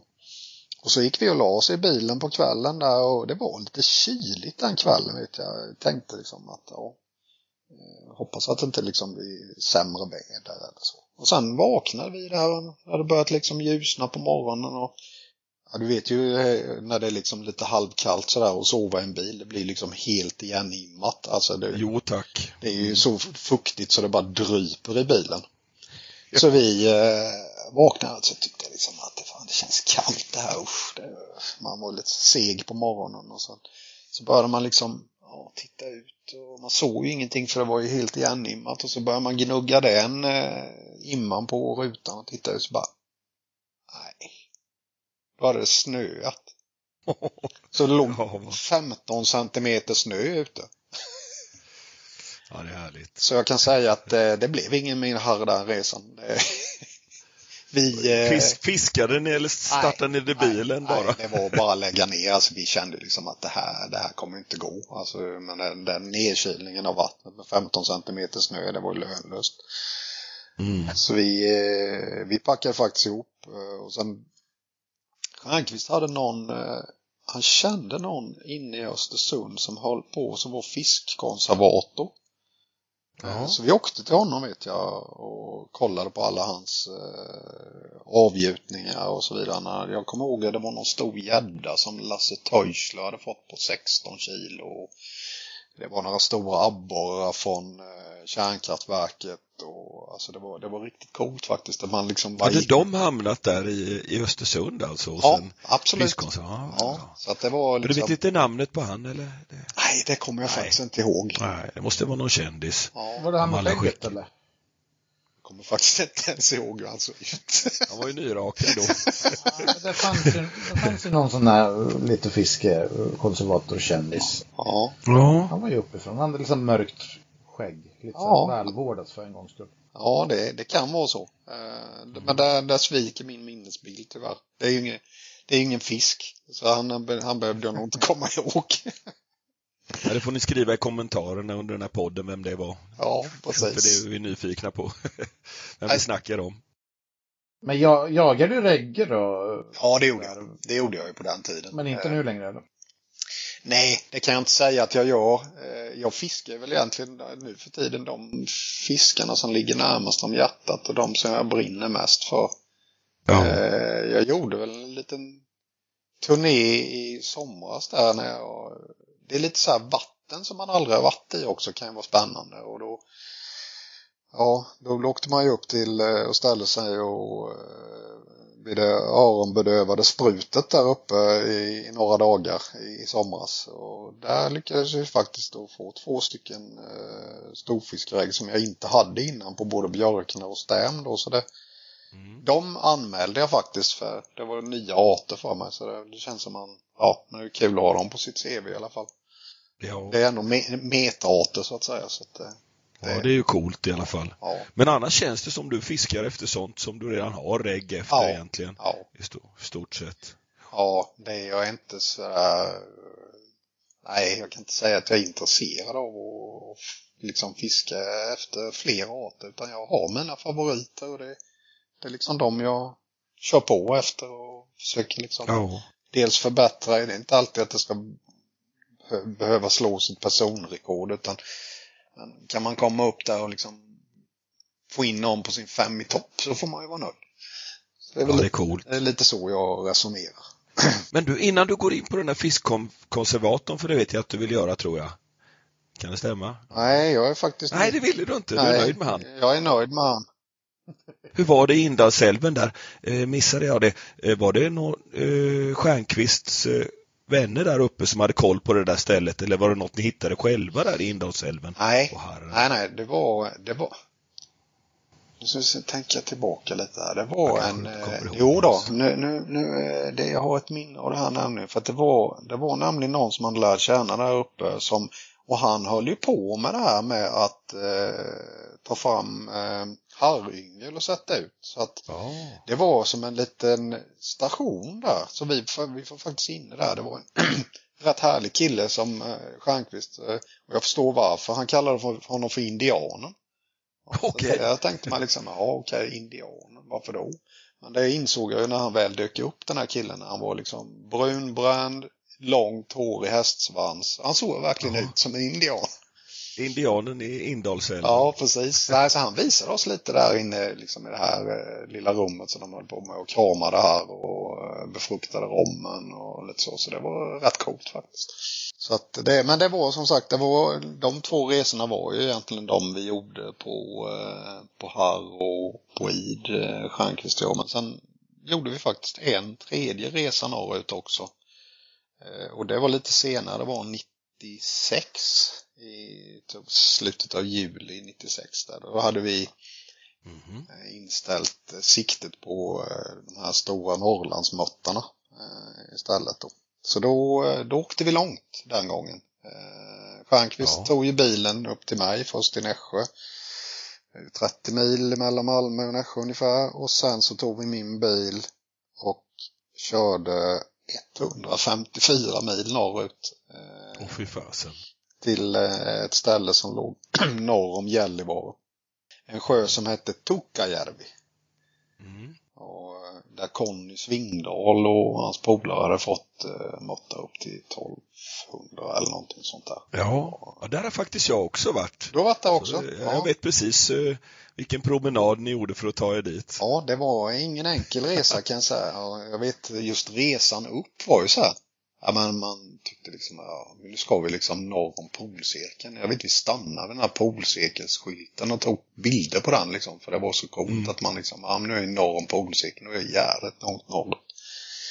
Och eh, ja, vi skulle ju dela på körningen tänkte vi ju liksom att, ja men vi kör lite var lite var så här. Nej, jag, jag tyckte jag kände mig väl rätt så fräsch så att jag, jag körde ju på och sen skulle vi stanna på någonstans och sova uppe vid Luleå någonstans tror jag vi liksom kände att nej men nu är vi rätt trötta så vi, vi slänger upp sängarna här och liksom jämte vägen bara och, och försöker få några timmar sömn. Så vi gjorde det. Ja, det gick inte. Det var ju, alltså myggen bara tokattackerade oss direkt så det var liksom bara lägga ner, det var bara in med sängarna igen och ja. och köra vidare. Så vi, så när vi körde, kom upp dit så ställde vi oss på parkeringen där som var ute så långt man kunde komma och så tittade jag på Stjernquist. Ja, nu har jag kört min del, nu är det din del kvar så då får du köra hem. För då har jag kört hela vägen. Ja, fy fasen. Nej, sen var vi där en, jag kommer inte riktigt ihåg hur länge vi fiskade men jag skulle tippa på att det var fem dagar någonting sånt. Det var ju en eh, rejäl promenad ut över myrar och på Ja. sådana här eh, spångar och man bar ju liksom, man hade ju mycket grejer med sig. Det var tält och det var ja, säng och allting. Så man försökte få med sig det. Två vändor vet jag vi gick eh, för att liksom få med oss allting ut. Och vi, oj, oj, oj. Det var hade, flera kilometer till Ja, ja visst. Jag tror det var tre kilometer att gå. Ehm, och det var ju, det var ju tungt alltså. Ehm, och plus att det var mycket mygg som attackerade och sådär. Men sen hade vi tillgång till kanot så vi, vi bodde ute på det var en liten ö i sjön där som eh, vi ja. gjorde vårt camp på. Så fiskade vi från den ön. Ja, det var vi också. Ja, mm. och eh, jag kan, det var ingen succé om jag ska vara ärlig. Det, jag fick, det största måttet jag fick var typ 780 gram eller någonting. Jag tror Stjernquist tog någon 8-10 eller någonting sånt. Så det var, eh, det var lite så här halv, visst det är ju fina måttar men, men det, var ja, inte, det, det. det, var inte riktigt dem vi var ute efter. Man var liksom ute efter den där kilosmåtten som man tyckte man jagade hela tiden. Men eh, de såg vi aldrig röken av. Men, men det var ändå en, en fantastisk upplevelse. För man, när man var där uppe då kände man verkligen att man var mitt ute i ingenstans. Ja, alltså, jag håller med dig. Eh, man hörde, det enda man hörde, liksom, det var bjällrorna från någon eh, ren, eh, ledarren som gick omkring någonstans ute i skogen. Och jag vet vi hade någon sjuk morgon där det var liksom lite dimma som låg över sjön. Och så var det en älg som kom ner eh, på, på, inne på land och ställde sig ut i vattnet och käkade näckrosor.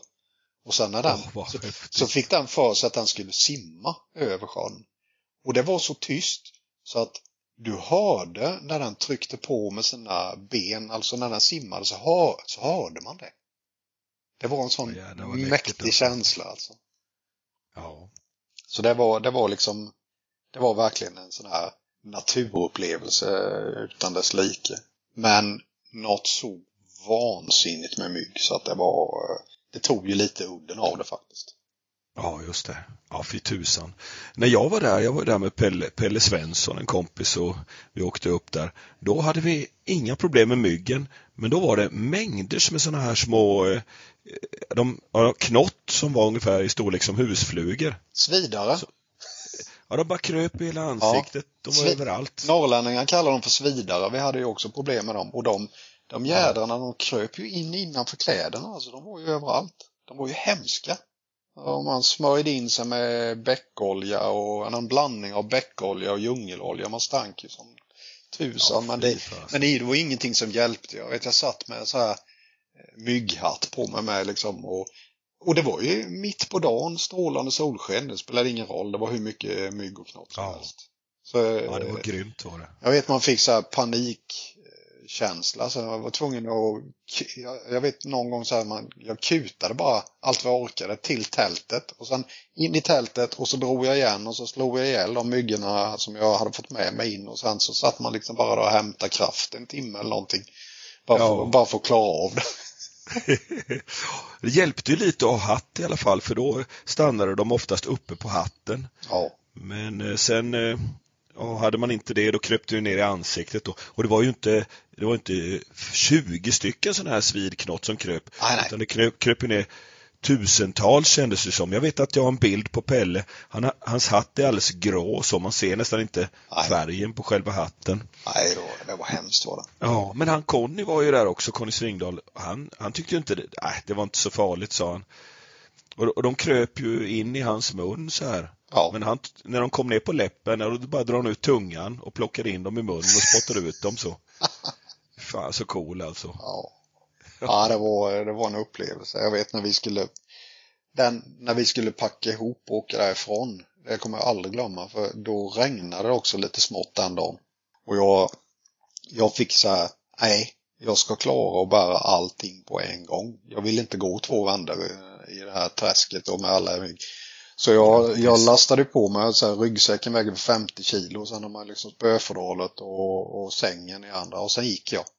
Och myggen var totalt tokgalna liksom. De, de, mm. och sen hade jag ju ingen, jag hade ingen hand ledig så jag kunde inte vifta den så jag bara gick. Och sen när jag var typ halvvägs, då bara släppte jag grejerna.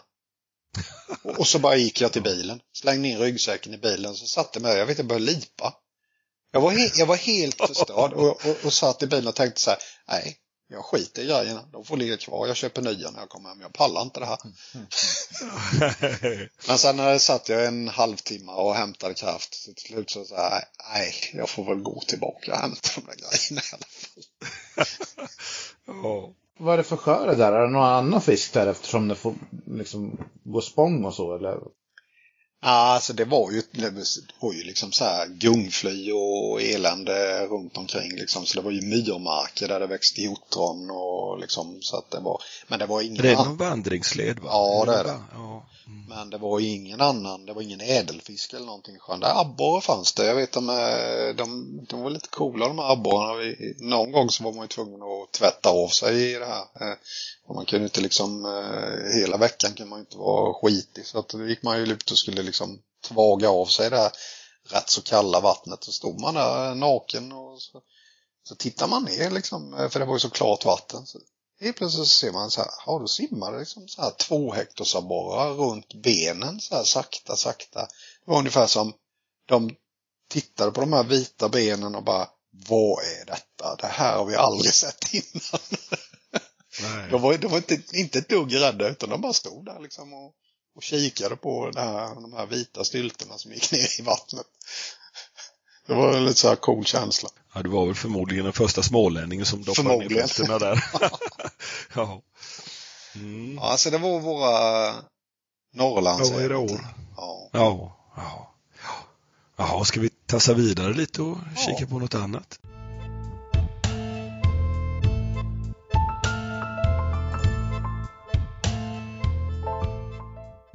Ja men underbart att höra om den här, de här resorna med Stjernquist eh, norröver.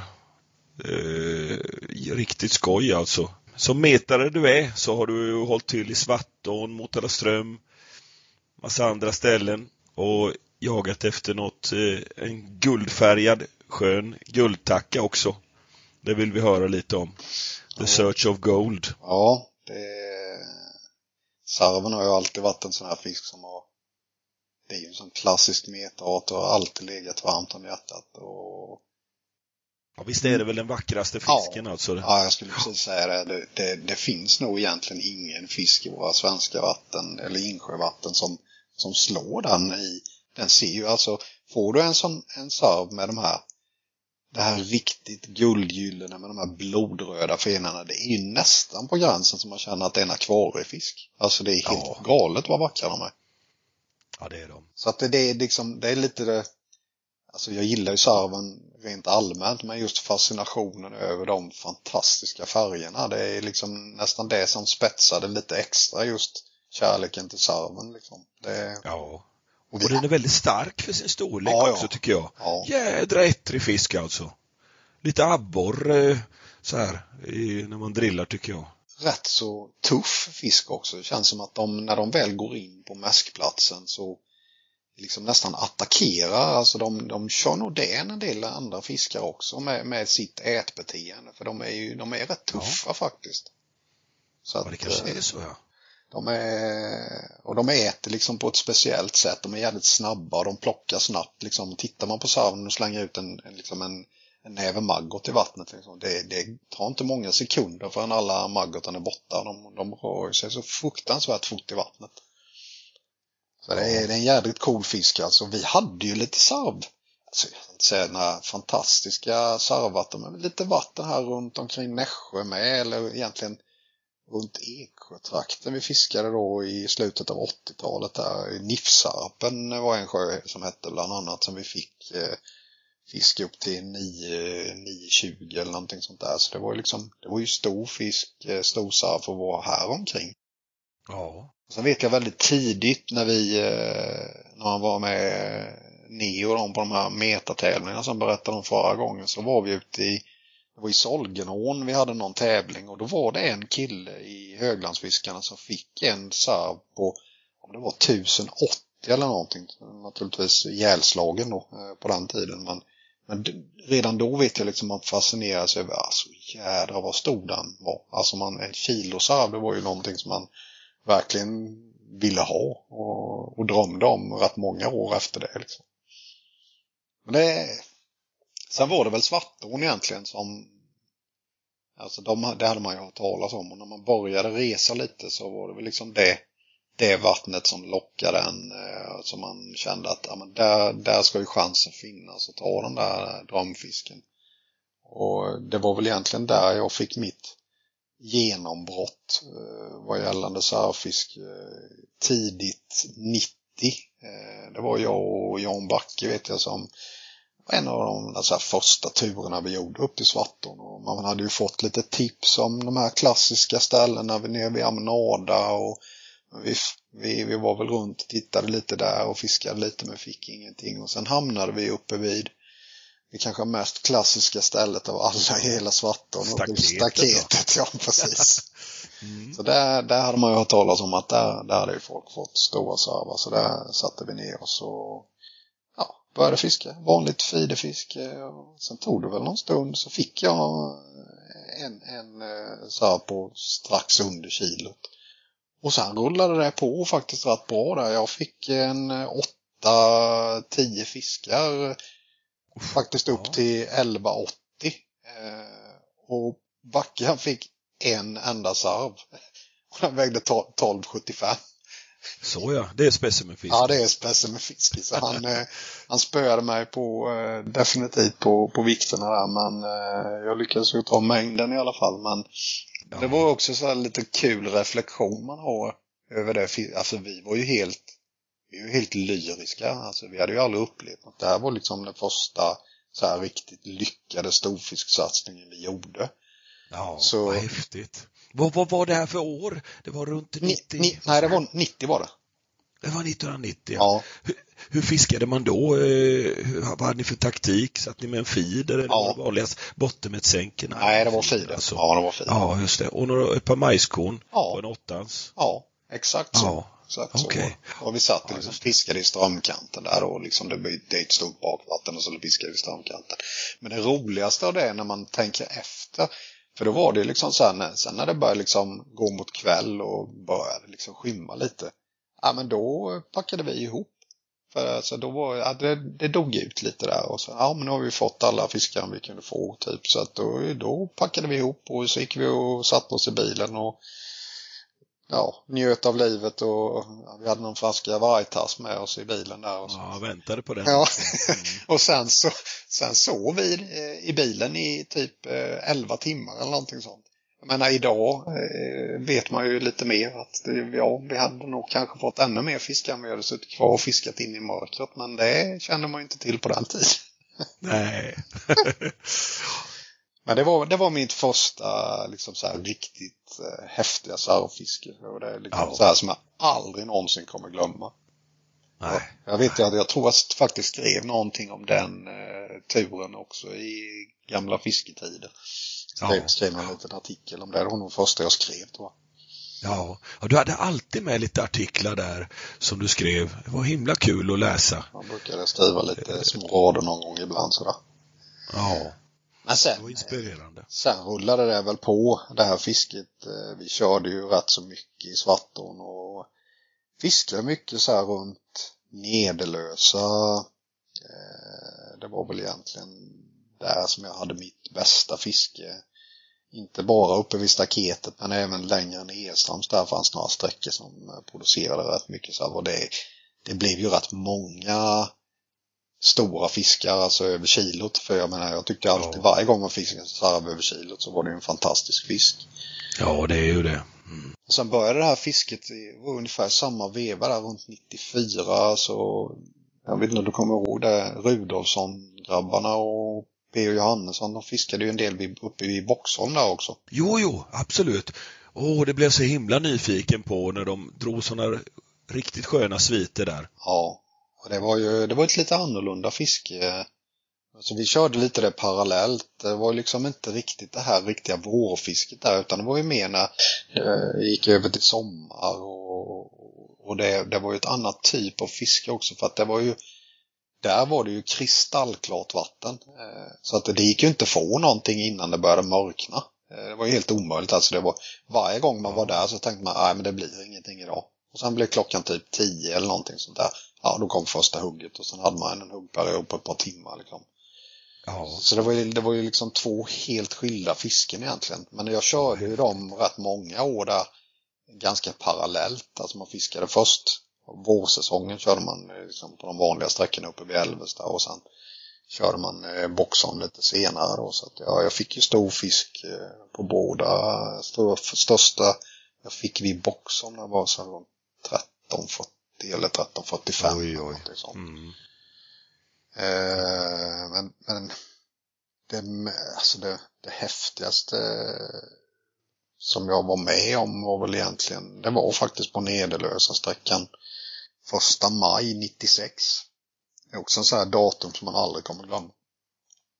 Första maj var ju alltid en ledig dag och då skulle man ju fiska hela den dagen liksom. Det var ju ja, det, var det var det viktigaste. Ja. Mm så då körde man upp dit till Svartån och skulle köra en hel dag och fiska på den sträckan och eh, jag hade inget så här, jag tror jag hade mitt PB på Färna var nog från Emån och på 2,6 någonting sånt där. Så jag satt eh, nedanför strömmarna där vid Nedlösa och så fick jag ett bra påslag och fick in en, en riktigt fin Färna. Den var inte speciellt fet men den var lång, den var över 60. 60 lång men eh, ett gammalt vrak då. Men det var ju nytt pass på 2680. Ja. Och eh, ja, det var nog stjärn, om det var Stjärnqvist som var med den gången med. Så vi säckade den där fisken i alla fall så jag tänkte att jag lägger ut på samma ställe igen. Och det tog typ så fem minuter. Så fick jag hugg igen. Och så får jag in en sån gigantisk sarv. Som vägde 14,25. Så jag, Herregud. så jag tog eh, på två utlägg så tog jag två PB på Färna ett på sarv. Det är också Ja, så här häftigt alltså. som, som man aldrig någonsin kommer glömma. Det var helt makalöst. Nej, verkligen. Blev det den största sarven du har plockat i Svartån? Eller? Ja, det är det. Det är Ja. den största fisken. Och Vad sa du, 14? 14-25. 25 ja. Oj. Det är lite så här, vi har funderat på det här lite efteråt, för det här var ju 96 och det gick ju inte det var inte extremt många stora servar på den sträckan, men det kan ju varit så, för jag, eh, det var ju han, nu har, nu har jag svårt med minnet här, men det, det var ju en kille, Kalenius hette han va, från Tenhult. Ja, Ma- Mats Carnelius Ja. ja. Han fick ju någon sen då på så här, över 1500 på ungefär samma ställe. Och, och sen tog ju Krause då svenskt rekord och det var inte speciellt långt därifrån heller så det kan faktiskt varit samma sarv. Ja, ja, ja. Och Eh. Johan eh, Bengtsson fick ju Mm. samma sarv som eh, Leif också. Ja, Strax innan där. så det är inte alls otänkbart faktiskt att det var den fisken som, för det var ju några år efter det här. eh, Som, Ja. Så att den hade växt på sig. För det, den var ju ändå extremt stor redan när den vägde 14,25 för att vara den sträckan liksom. Så att Ja. det är nog högst troligt att det, att det var den fisken. Ja. ja, då har du tagit det svenska rekordet du med. Ja, det är, fast vid fel tillfälle och det... Ja, det har jag också faktiskt gjort. eh, Det som var svenska rekordet på Färna från Emån som Ronny Johansson fick. Ja, Den fisken har jag också fått eh, eh, två år tidigare. Men eh, då ja, räckte det inte till riktigt. jag har fler sådana fångster men det kommer, det? det kommer, det kommer faktiskt längre fram. Ja, då tar vi det sen. Ja. Nej, sen, eh, sen fortsatte jag väl fiska. Jag körde rätt mycket boxholm där också även eh, det året. Jag hade något helt magiskt fiske en kväll. Det hamnade, det här var alltså strax innan midsommar. Eh, jag, jag hade ett grymt fiske en kväll. Jag tror jag fick 21 sarvar över kilot. Det nappade alltså on the drop när man kastade ut. Eh, feeden hann inte slå i botten eh, innan liksom det rasslade i spötoppen. Och, det, och jag, jag vet, jag höll på med de där sarvarna. Jag skulle fota med självutlösare och det här. Och jag kände liksom att fan, jag är kladdig hela jag. Jag är så liksom dränkt av sarvslem. Men, men sen insåg jag efter ett tag att nej, det var inte sarvslem, det var ju sarvrom. Så att det var, jag hamnade väl precis Ah. mitt i leken så att de, var väl uppsamlade där så att eh, ja, det, det, liksom, det var precis hur mycket fisk som helst. Ja. Så det var sådär helt Jag hade två över 1300 den kvällen. Det var så här helt Åh, makalöst. fisk. herregud. Ja. Vad sa du? 20 mörtar eller 20 sarvar över kilot? Ja. Ja, herregud. Det Ja, jag, faktiskt, och jag kan få berätta att jag inte fått det på hela mitt liv. Så det är häftigt. Ja, nej, det Det var, det var riktigt fränt. Sen, eh, sen hade jag ett pass. Eh, och det var det var så här att jag, det var en sommar 99 som jag fick så här, nej men det var den 27 juli 99. Och det är ett datum som faktiskt också kommer återkomma lite senare i min story. Ja. Men det datumet så var lite speciellt för mig så jag tänkte vad ska jag hitta på för någonting? Ja men jag åker ner till Emån så man kan ta någon stor sommarfärd. Så jag gick i de här sträckorna och jag fick väl lite eh, halvskapliga färnor men ingen så här riktigt stor. Jocke Bertilsson var med vet jag. Och sen eh, så kom vi till en sträcka och då skickade ut lite brödbitar och det var en fisk som var uppe och den var rätt försiktig så här. Den vill liksom, färnorna kan ju vara rätt luriga och sen jag driftade ner med en brödbit. Nej, den ville ju inte ta. Och sen varje gång jag liksom vevade in, ja så tog det typ så här tre sekunder efter jag hade ryckt en med en brödbit så försvann ju den där brödbiten. Mm. Och så här retlig fisk som, ah, nej, jag kommer nog inte få den att ta, men jag vill inte ge upp så till slut så men jag, jag tar en lite mindre brödbit och så kramar jag ur liksom luften så den, den svävar liksom precis under vattenytan så kanske jag kan få den här rackaren och, och ta den då. Ja. Så står jag med mina polaroidbrillor på mig där så kikar på linan liksom, för jag såg inte den brödbiten utan den gick liksom under vattenytan. Så driftade den ner där och sen så såg jag liksom, ryckte till en gång och sen så stack ju linan och så krokade jag. Så att, nu yes, nu satt den. Och sen när jag började veva in den så bara, nej, det var ju inget stort. Alltså det var ju en sån här mindre fiskskit också. Mm. Jag trodde den skulle vara stor liksom. Så jag vevade in den ganska snabbt där och precis då samtidigt som jag liksom började, fisken började närma sig kom Jocke liksom gående så här, har du en? Ja, jag har en men den är rätt liten. Och sen så står jag där och så tittar jag ner i vattnet precis när fisken kommer in så bara, va? Det är ju en sarv. Och då fick vi liksom nästan panik för vi såg direkt att den var ju skitstor liksom. Och sen, ja, så hjälpte han mig att hova den liksom. Så den, den vägde 1300 gram. Åh, fy fasen. Och det, Det- det med, med alltså jag, jag, det kan ha åkt upp någon, jag tror Nemba kan ha nämnt att det kanske är någon som är större, Mm. men det är, det är absolut en av de största sarvarna som någonsin är fångade i Emån. Ja, ja, det är en riktig specimenfisk för Emån alltså. Verkligen. Och det var ju fisk. egentligen en slumpfisk, om jag ska vara helt ärlig. Den var ju inte, jag var ju inte Jo. ute efter sarv, men eh, men eh, just, just, du vet färgerna på fiskarna i Emån, alltså i och med att det är en, en skogså, det är ganska humusfärgat vatten. Det har jag aldrig upplevt på en sarv, de färgerna som den fisken hade, för det var, de var Ja, så här, intensiva. Alltså verkligen mörkt, mörkt eh, guldfärgade med riktigt blodröda fenor. Liksom så här mörkt röda fenor. Så det var helt andra färger än en svartrosar, för de är ju ganska ljusa till färgen. Så det, det, är nog den, det är nog den snyggaste sarv jag någonsin har fått. Ja, fy fasen. Plus att den var så stor då så att det var, eh, nej det var, det var en eh, sån här, också en sån här känsla som man aldrig kommer, kommer glömma. Ja, det kan jag förstå. Ja, Emåsarvarna är helt magiska alltså att se på. Ja. Är de. Du råkar inte ha en bild på den så vi kan Jo då, jag har faktiskt, eh, jag tror jag har skickat den bilden till dig. Jag sitter med någon Ja, eh, du har a- det. a- Ultimate eh, på, på den bilden. Ultimate Okej. Fishing Tackle. Så, med min röda skjorta. Så den, Ja. den har du nog fått av mig. Ja, men då ska vi plocka fram den och så vi kan kika på den så alla får se med. Hur en riktig specimen Emåsarv Ja, ser ut. ja det, är- det, var, det är en fantastisk fisk alltså som man aldrig kommer glömma. Vad tycker du om slumpfångster och sådär? Ja, det är intressant Ja. det där ju. Alltså på något sätt så jag värderar väl dem egentligen lika högt som något annat. Jag kan inte säga liksom att, att jag liksom tycker att de- är mindre värda på någonting eh, på något sätt. Utan det, jag menar, man har ju ändå liksom tagit dem på, på ett fiske som är liksom, det är ändå mete. Jag menar, de har nappat på eh, ett bete som visst kanske var ämnat för något annat men jag menar man kan inte liksom känna att, att det var misslyckat att man fick den. Liksom. Jag, jag har väl nog alltid värderat slumpfångsterna egentligen precis lika mycket som om man har riktat fisket efter dem. På grund av att de har ju egentligen mer varit en rolig överraskning då. När man har fått Ja, dem. men någonstans har man ju förtjänat dem. Ja, Alltså om man Ja. tänker hur många timmar man lägger, lägger ner och sen kommer det en slumpfisk så. Ja, och sen det är ju vissa vatten liksom så här att ja men du kan ju även om du liksom riktar fisket efter brax, ja men du har ju ändå andra fiskar som kan plocka upp dina beten. Så varför ska man varför ska man se ner på den fångsten? Jag tycker liksom att det är, det är fel att känna så. Ja, jag värderar dem lika högt som om jag hade riktat fisket efter dem faktiskt. Ja, det är kanske skillnad få en sarr på Buster Jerk. Eller? Ja, jo, det, det, det är kanske en helt annan sak.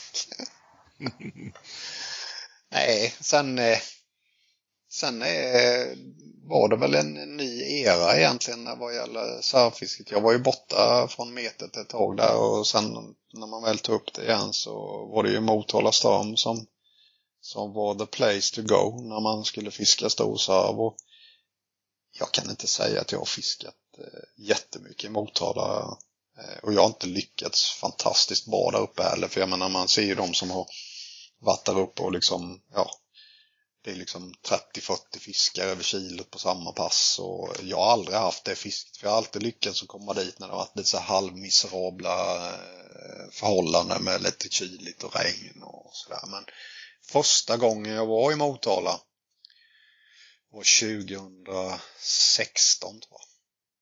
Och då fick jag, då fick jag faktiskt eh, egentligen på något sätt känner jag nästan att det retar mig lite. Eh, jag fick faktiskt eh, pers då på 1430 och det var ju egentligen bara 5 gram över den här eh, svartåsarven. Jag hade egentligen hellre haft kvar svartåsarven som PB istället för, för den fisken om jag ska vara helt ärlig. För jag tycker inte riktigt att nej, jag har inte riktigt förtjänat att få den fisken. De andra hade man kämpat för på något sätt liksom. Och, eh, sen har jag fiskat en hel del mer i Motala men jag har aldrig haft det här riktiga men det är inte lika bra idag som det var eh, ett antal år med, speciellt inte mängdmässigt. Sen, sen åker det upp riktigt stora fiskar där uppe fortfarande. Men ja. Eh, det mängdfisket som var under några år där uppe, det är nog eh, ett minne blott på grund av skarvkolonierna som härjar friskt där uppe så har de nog, man ser ju rätt mycket fisk man får som ser hemska ut, alltså med skarvhål i ryggarna och Eh, så de har nog gått ganska hårt åt på ståndet. Och kanske lite också då är det ju, jag menar visst det kommer ju fortfarande upp riktigt, riktigt stora fiskar och det är klart, de fiskarna har väl tjänat på att, att beståndet har minskat lite. Det är inte lika mycket fisk som det var innan och, och de som är kvar har ju liksom mer föda naturligtvis. Det är ju... Ja, Ja men så är det säkert, eh, absolut. Och jag var där ganska tidigt också och fiskade lite med Jerker Löv. Mm. Och då, då fiskade vi på ett helt annat sätt än vad, vad jag gjort de senare åren. Mm. Då åkte man ju ut på kvällen och så spanade man lite så här. Ja. Var, var, var vakade? Och sen, ja men där borta vakade, så rodde man dit och så kastade man eh, ett majskorn på flötmeter på vaket. Ja. Och så fick man eh, tre, fyra, fem, sex fiskar sådär. Och sen så när det dog ut så tittade man efter nya vakringar och så rodde man dit. Ja. Så lite, och lite annorlunda faktiskt. Ja, nej det, men det är ett häftigt fiske, absolut. Eh, och liksom, jag, jag kommer garanterat fortsätta att åka till Motala det är inte det. Men eh, det här fisket som, som var en gång i tiden där uppe med de här otroliga mängderna, det är nog faktiskt ett minne blott, det tror jag. Ja, det är nog borta. Ja, och det, det sorgliga är lite jag har ju liksom tagit upp mitt svartwhisky och fiskat mycket. Jag menar förr fick man ju liksom, det var ju blandad kompott ofta när man liksom körde svartom. Man körde mycket med mindre brödbitar och majs och så vidare. Man fick ju både färna och, och sarv och så. Men under de här åren, under min liksom återkomst där uppe de sista, det är nog fem år tror jag jag kört nu i Svartån igen. Eh, ja. Jag har inte fått en enda sarv. Inte en enda.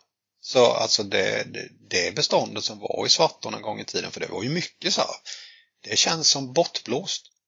Det är jättekonstigt. Jag vet Jerka har sagt att han får ju en och annan så här, men det är inte, det är inte alls lika mycket som det var på det glada 90-talet. Alltså det, någonting har ju hänt där uppe tyvärr.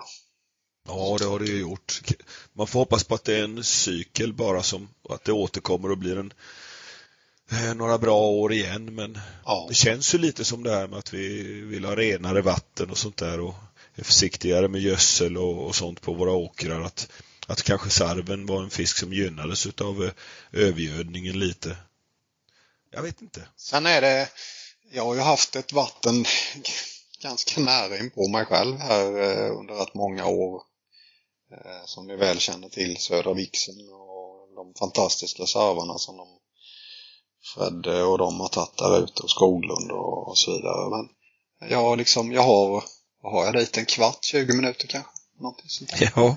Men jag har liksom hela tiden känt att jag vet ju att det är få platser som man får fiska, eller som man kan få dem där ute och det har hela tiden känts att, ja men det på något sätt, jag vill inte tränga mig på, det är de som har hittat det och det är deras vatten och det är få platser och så vidare. Så jag har liksom, jag har hållit mig borta. Det har ju naturligtvis sugit i tarmen har det gjort rätt många gånger när man liksom, de fiskarna blir större och större och man är så nära och man har känt att nej, jag vill inte. Men förra året så, så kände jag liksom att nej, nu har ju liksom stort sett alla varit där. Jag liksom, det är inte jag som kommer dit och sabbar för dem nu. nu är liksom, det är ju så allmänt känt och det har liksom suttit folk där typ varenda kväll. Och, så nu gör det ju liksom ingenting om jag åker dit också. Så jag var faktiskt där ett antal gånger eh, förra våren och fiskade. Och nu verkar det som att det finns bara en två, tre individer kvar. Alltså det är, det är helt eh, slut beståndet där ute. Så det finns en två, tre fiskar att fiska på och det är ju svinsvårt att få någon av dem. Ja, shit, det låter ju jätte för en stor sjö också. Ja, den är jättestor den sjön alltså. Ja.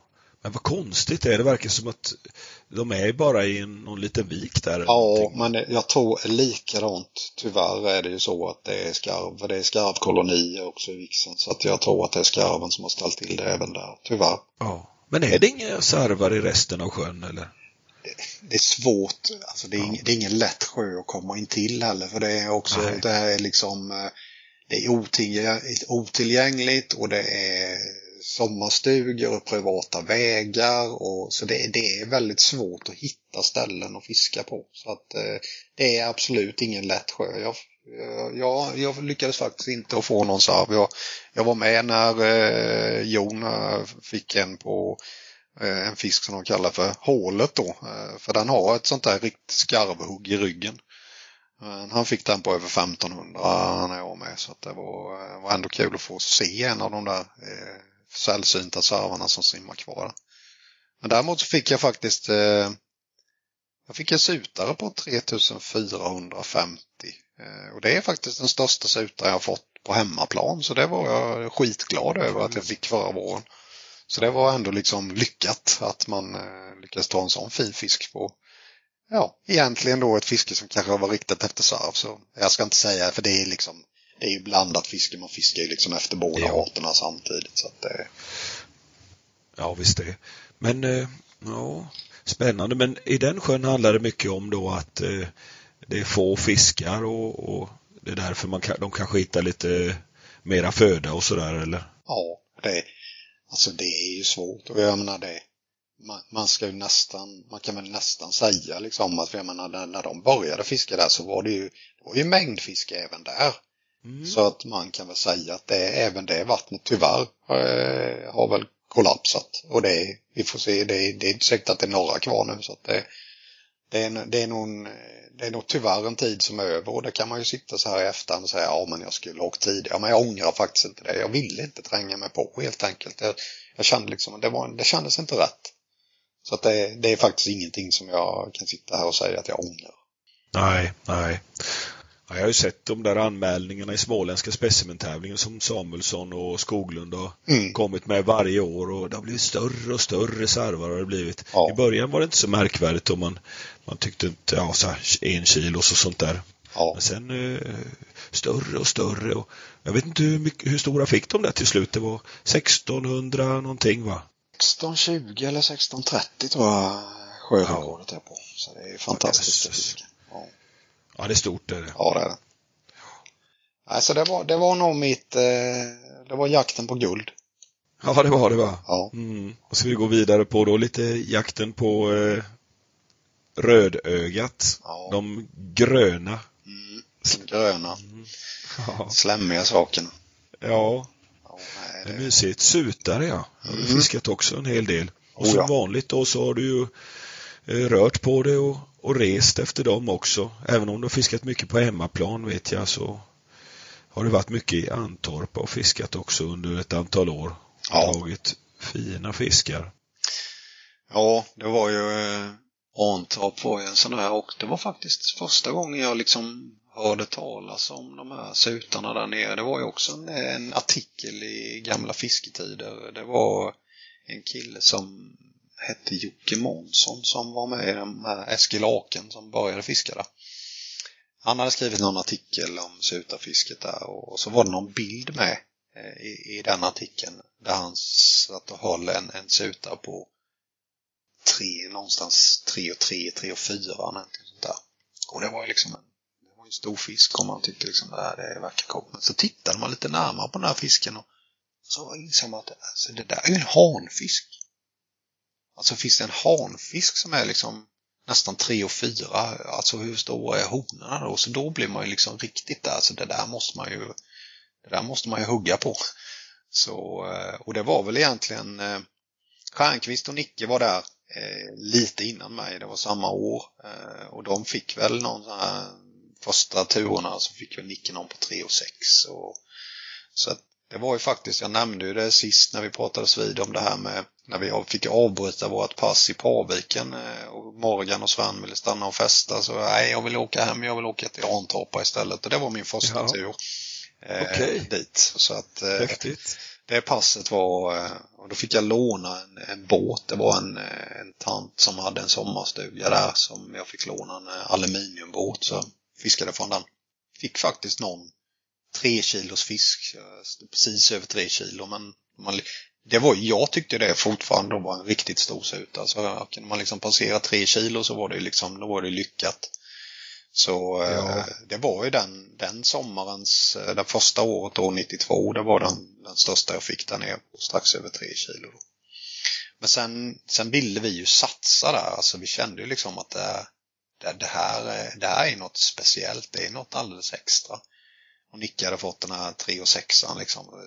Här måste vi liksom köra. Så vi, vi beslöt oss ganska tidigt för att vi skulle liksom lägga en vecka på våren där nere och vi var ett rätt bra gäng eh, som samlade ihop oss och vi, vi fick hyra en stuga av den här tanten. Eh, så vi var, det var jag och Nicke och Stjernqvist och det var även Peter Alm var med några år och brandmannen från Rutelus och, Ja, och sen var det ett bra gäng från Tinka också. Sven Martinsson och Bagan, Lasse Bagan och Morgan Ek och Fredrik Nilsson var nog med några gånger med. Så att vi körde den där veckan och det gjorde vi i flera år. Så vi hyrde den här stugan, fiskade.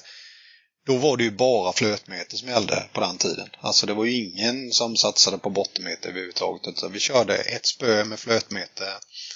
Och sen åkte vi ut och började fiska ah, sådär runt halv sex på kvällen kanske. Så fiskade vi fram till strax innan tolv tiden, alltså halv tolv när det liksom började bli riktigt mörkt. För då liksom på något sätt, det var alltså fisket dog alltid ut då. Det var en sån här period emellan halv tolv på kvällen och fram till tre, halv fyra på morgonen. Så vi satt ju vissa nätter rakt igenom också. Men det var alltid stendött de timmarna. Så då beslöt vi oss för att ja, men vi bryter då. Så då samlades vi ihop eh, allihopa, åkte in och sen eh, ja, käkade vi lite och bryggde nytt kaffe och satt och snackade skit och tittade på TV. Vi hade de klassiska programmen då i slutet på eh, kvällarna där som var, först var det MASH. Ja. Så det tittade vi på och sen var det den fantastiska serien Kvinnofängelset också som avslutade på kvällen. Jajamän, det är en riktig klassiker. Så det tittade vi på varje kväll. Vet jag. Vi Ja. satt in i stugan och eh, laddade batterierna för morgonen. Och sen åkte vi ut där på morgonen igen och så fiskade vi fram till sjutiden eller någonting så här på morgonen när den liksom solen började gå upp och då fisket dog av igen. Så det var liksom, det var inte jätteintensivt som det här boilerfisket sen när de liksom körde dygnet runt och spöna låg i jämt. Utan vi, vi körde några timmar på kvällen, några timmar på morgonen och det var, det var så vi liksom la upp vårt fiske och vi fick ju mycket fisk alltså. Det var ju liksom Ja. inte det. Och vi byggde båtar gjorde vi också. Eh, Okej. Ja, nej, men så vi, vi tyckte liksom att vi lånade den här aluminiumbåten, det var ju rangligt och det klampade och man ville liksom, man tyckte det skickade för mycket ljud och sådär så det, det kändes inte optimalt. Så vi började titta på hur engelsmännen fiskade. De hade ju de byggde ju sådana här pontar som eh, var helt fyrkantiga. Så man, det var ju liksom en, liksom en riktig metbåt och så tyckte man alltså, det där är coolt, alltså det, det måste vi göra också. Så jag och Bengt-Åke, min arbetskamrat, vi byggde en båt och Stjernqvist och Nicke byggde en som vi gjorde i marinplywood och vi hade spöhållare och sådär. De var ju vidriga att ro för de var ju som sagt svintunga och helt fyrkantiga. Men alltså man satt ju som en gud. Vi satt ju bara metstolar där liksom och kunde köra ner årorna liksom på sidorna så att de satt fast ordentligt. Så att man satt ju som man fiskade från land. Det var ju helt, eh, helt perfekt. Så, eh, och den finns eh, faktiskt fortfarande tydligen att beskåda där nere. För när vi slutade det där fisket sen så orkade vi ju aldrig ta, ta bort de där båtarna. Så in i den här lilla viken i Antorpa, längst in där inne bland träden, så ligger det två fornlämningar av två metpontar som vi byggde i början av 90-talet. Så de finns faktiskt fortfarande att beskåda där nere om ingen har flyttat på dem. Fan vad häftigt. Ja. Ja, det får, får ni åka och kika på om ni är nyfikna. Ja, Titta på lite nostalgi. riktiga fornlämningar. Nej men de där, de där veckorna var ju helt magiska och eh, vi, eh, vi körde ju på de här åren och fiskade i Antorpa från 92 till 97 la jag väldigt, väldigt många pass där nere. Ja. Och det som jag det som jag minns bäst egentligen var fisket 94. Då eh, körde vi den där veckan. Men det var ganska, det var ganska varmt. Eh, vi körde alltid vecka 23. Det var liksom vår klassiska vecka. Mm. Eh, sen var det inte så här, jag tror det var i- typ halvvägs in på den veckan så började sutan att leka. Och det var ju tidig lek så vi tänkte att ah, det var ju skit. Men vi körde ju på ändå och vi fick, eh, det var, de lekte i flera dagar så det var liksom kassfiske. Men sen är ju lite så här, sutan är ju lite intervalllekar och alla leker ju inte samtidigt. Så jag, eh, jag åkte ner några veckor efter igen sen och skulle köra en helg. Och då, då det var helt otroligt. Då, då började de leka igen. Och jag fick, jag tror inte jag fick någonting den, eh, den helgen. Utan det, det var liksom vansinnig lek bakom ryggen på mig liksom innanför där jag satt. Nej, så jag fick ingenting. Och då, då beslöt jag mig för att Nej, men jag åker ner en gång till då mitt i sommar liksom. För då var ju liksom, då är leken över. Eh, så att då behöver jag inte liksom bekymra mig om det. Kan ju gå få storfisk ändå. Och eh, så jag var nere då 26, 27 juli igen. Och morgonen den 26 så fick jag ett nytt pass på 3525 som var helt utlekt. Och jag var ju ändå själaglad för det var ju liksom en riktigt stor sutare. Så, så jag vet det var det var två, två eh, killar från Karassius som var där, Niklas Sörlid och någon kille till. Så de hjälpte Ja. mig att fota lite sådär. De satt på något annat ställe. Och sen dagen efter då, eh, 27 juli, som jag nämnde då att jag fick den här eh, stora servern i Emån. Så, och då hade jag inte riktigt fattat det här. Eh, men eh, jag fick eh, ytterligare en, eh, tre och en halva, och sen började fisken leka. Alltså jag tänkte det här är inte möjligt. Nu är det liksom slutet av juli, det, det, det kan inte vara möjligt att de börjar leka. Jo, de lekte för fullt bakom ryggen på mig. Och jag fick ju ändå fisk för att det var väl ändå liksom fisk som hade lekt. De var ju liksom ändå eh, på hugget. Så då fick jag ytterligare en på 3575 som faktiskt släppte sutarom i handen på mig. För, första och enda gången jag sett sutarom. De har faktiskt väldigt små romkorn eh, för att vara så stor fisk som det är. Men sen eh, var det så här i slutet av morgonen där. Alltså att, och, och så fick jag ett så här snabbt hugg. För det var ju det var också ett karaktäristiskt för, för sutafisket att de högg. Alltså det var några brutalt snabba hugg. Du fick ju vara med. Du fick ju verkligen sitta och hålla handen på, på veven på Okej. rullen och kroka blixtsnabbt. Annars så spottade de igen. Så att det var liksom inte det här klassiska att flötet Nej. vandrade iväg. Utan det var så var liksom flötet borta.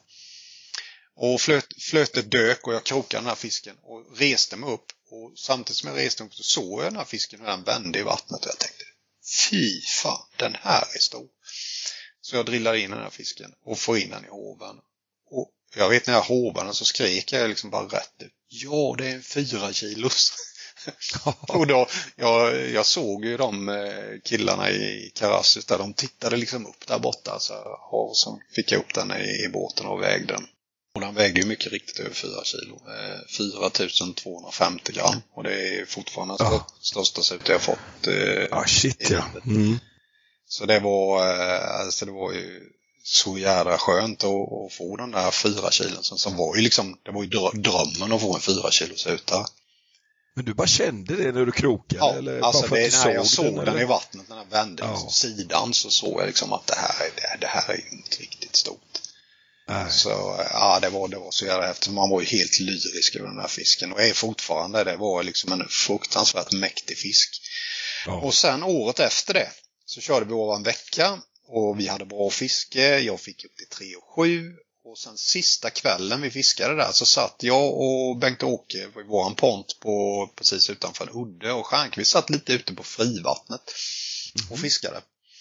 Och han fick någon fisk också rätt tidigt och sen eh, då precis när det började skymma på kvällen så här så, eh, så krokade han. Eh, och sen drillade han in den här fisken och så hörde man liksom han hovar den och så hörde man bara bara att oh jävlar! och så, så lyfte han upp den i gått och sa alltså ni måste komma hit, den här är hur stor som helst. Så Ja. vi eh, ryckte upp våra ankar och rodde bort till honom där och sen så eh, drog vi in till land för vi tänkte vi måste ju liksom väga den här riktigt för vi såg ju liksom att det här är en enorm fisk. Mm. Eh, Och mycket riktigt så var det ju svenskt rekord. Eh, Den vägdes ju sen på krönt våg dagen efter åkte vi iväg och vägde den på krönt våg. Eh, Vi hade den med en balja så vi kunde ta med den och väga den i en affär lite längre bort. Så Ja. då, då vägde vi den på krönt våg till 4805 som var nytt svenskt rekord då. Men, Vilken var det nu då? Det var inte Bubblan va, utan det var den här andra va? Hulken eller vad heter den? ja, Hulken, jaha. Och det var ju det som var grejen att för när jag såg den här fisken, direkt när jag såg den låg eh, i båten så reflekterade jag över ett R som var på sidan på den. Och det första jag gjorde när vi väl kom tillbaka sen eh, till stugan så gick jag in och hämtade mitt fotoalbum. Och det var ju den fisken på 4250 som då jag fick på sommaren innan som jag inte fattade då att den faktiskt var utlekt. Nej, just det. Så att så Det var den fisken. Eh, Så där har du ytterligare en fisk då som jag har, eh, Ja, som är ett gammalt svenskt rekord som jag faktiskt fångat eh, vid fel tillfälle. Sen, eh, Ja. sen fick ju Ola den här fisken också på över, den var över 5 kilo men jag minns faktiskt inte den exakta vikten om det var 5060 eller någonting sånt. Och sen, eh, sen dog den eh, året efter. De hittade den död. Eh, jag tror det var Jeppe, Jeppe Ol- Eriksson. Eriksson Olsson. Ja. som hittade den död. Och så att, eh, tyvärr. Eh, och sen eh, körde jag vidare några år till, 96-97, där jag fick ja, tre, jag fick mina första hanfiskar över tre kilo som jag åkte. Det var rätt coolt. Jag hade aldrig fått en han över tre kilo. Men sen eh, 97 så la jag faktiskt eh, ner det fisket. Jag har faktiskt aldrig åkt tillbaks till Antorp eh, efter det. Eh, sen vet du vad som hände. Sen gick det ju över till eh, boilerfiske och bolt och bubblan kom och det kom fler stora fiskar. Men eh, jag, kan- jag kan inte säga att jag... Jag känner nog att jag vill åka tillbaks. Och du vill det ja? Ja, jag känner det nu. Jag har Ja. känt det de sista åren så att nej, jag har nog inte fiskat min sista gång i Antorp utan jag Nej. vill nog faktiskt åka tillbaka. Det är något speciellt med Mantorp och jag, jag gillar det också. Jag tycker det, om det där klara vattnet och miljön där. Vad tycker du Tomba? Du gillar inte alls va? Nej. Men det är så olika ju. Mm. Nej, det tilltalar mig inte för fem öre. Jag vet inte. Det... Kanske om du hade fiskat som vi gjorde, flötmeter.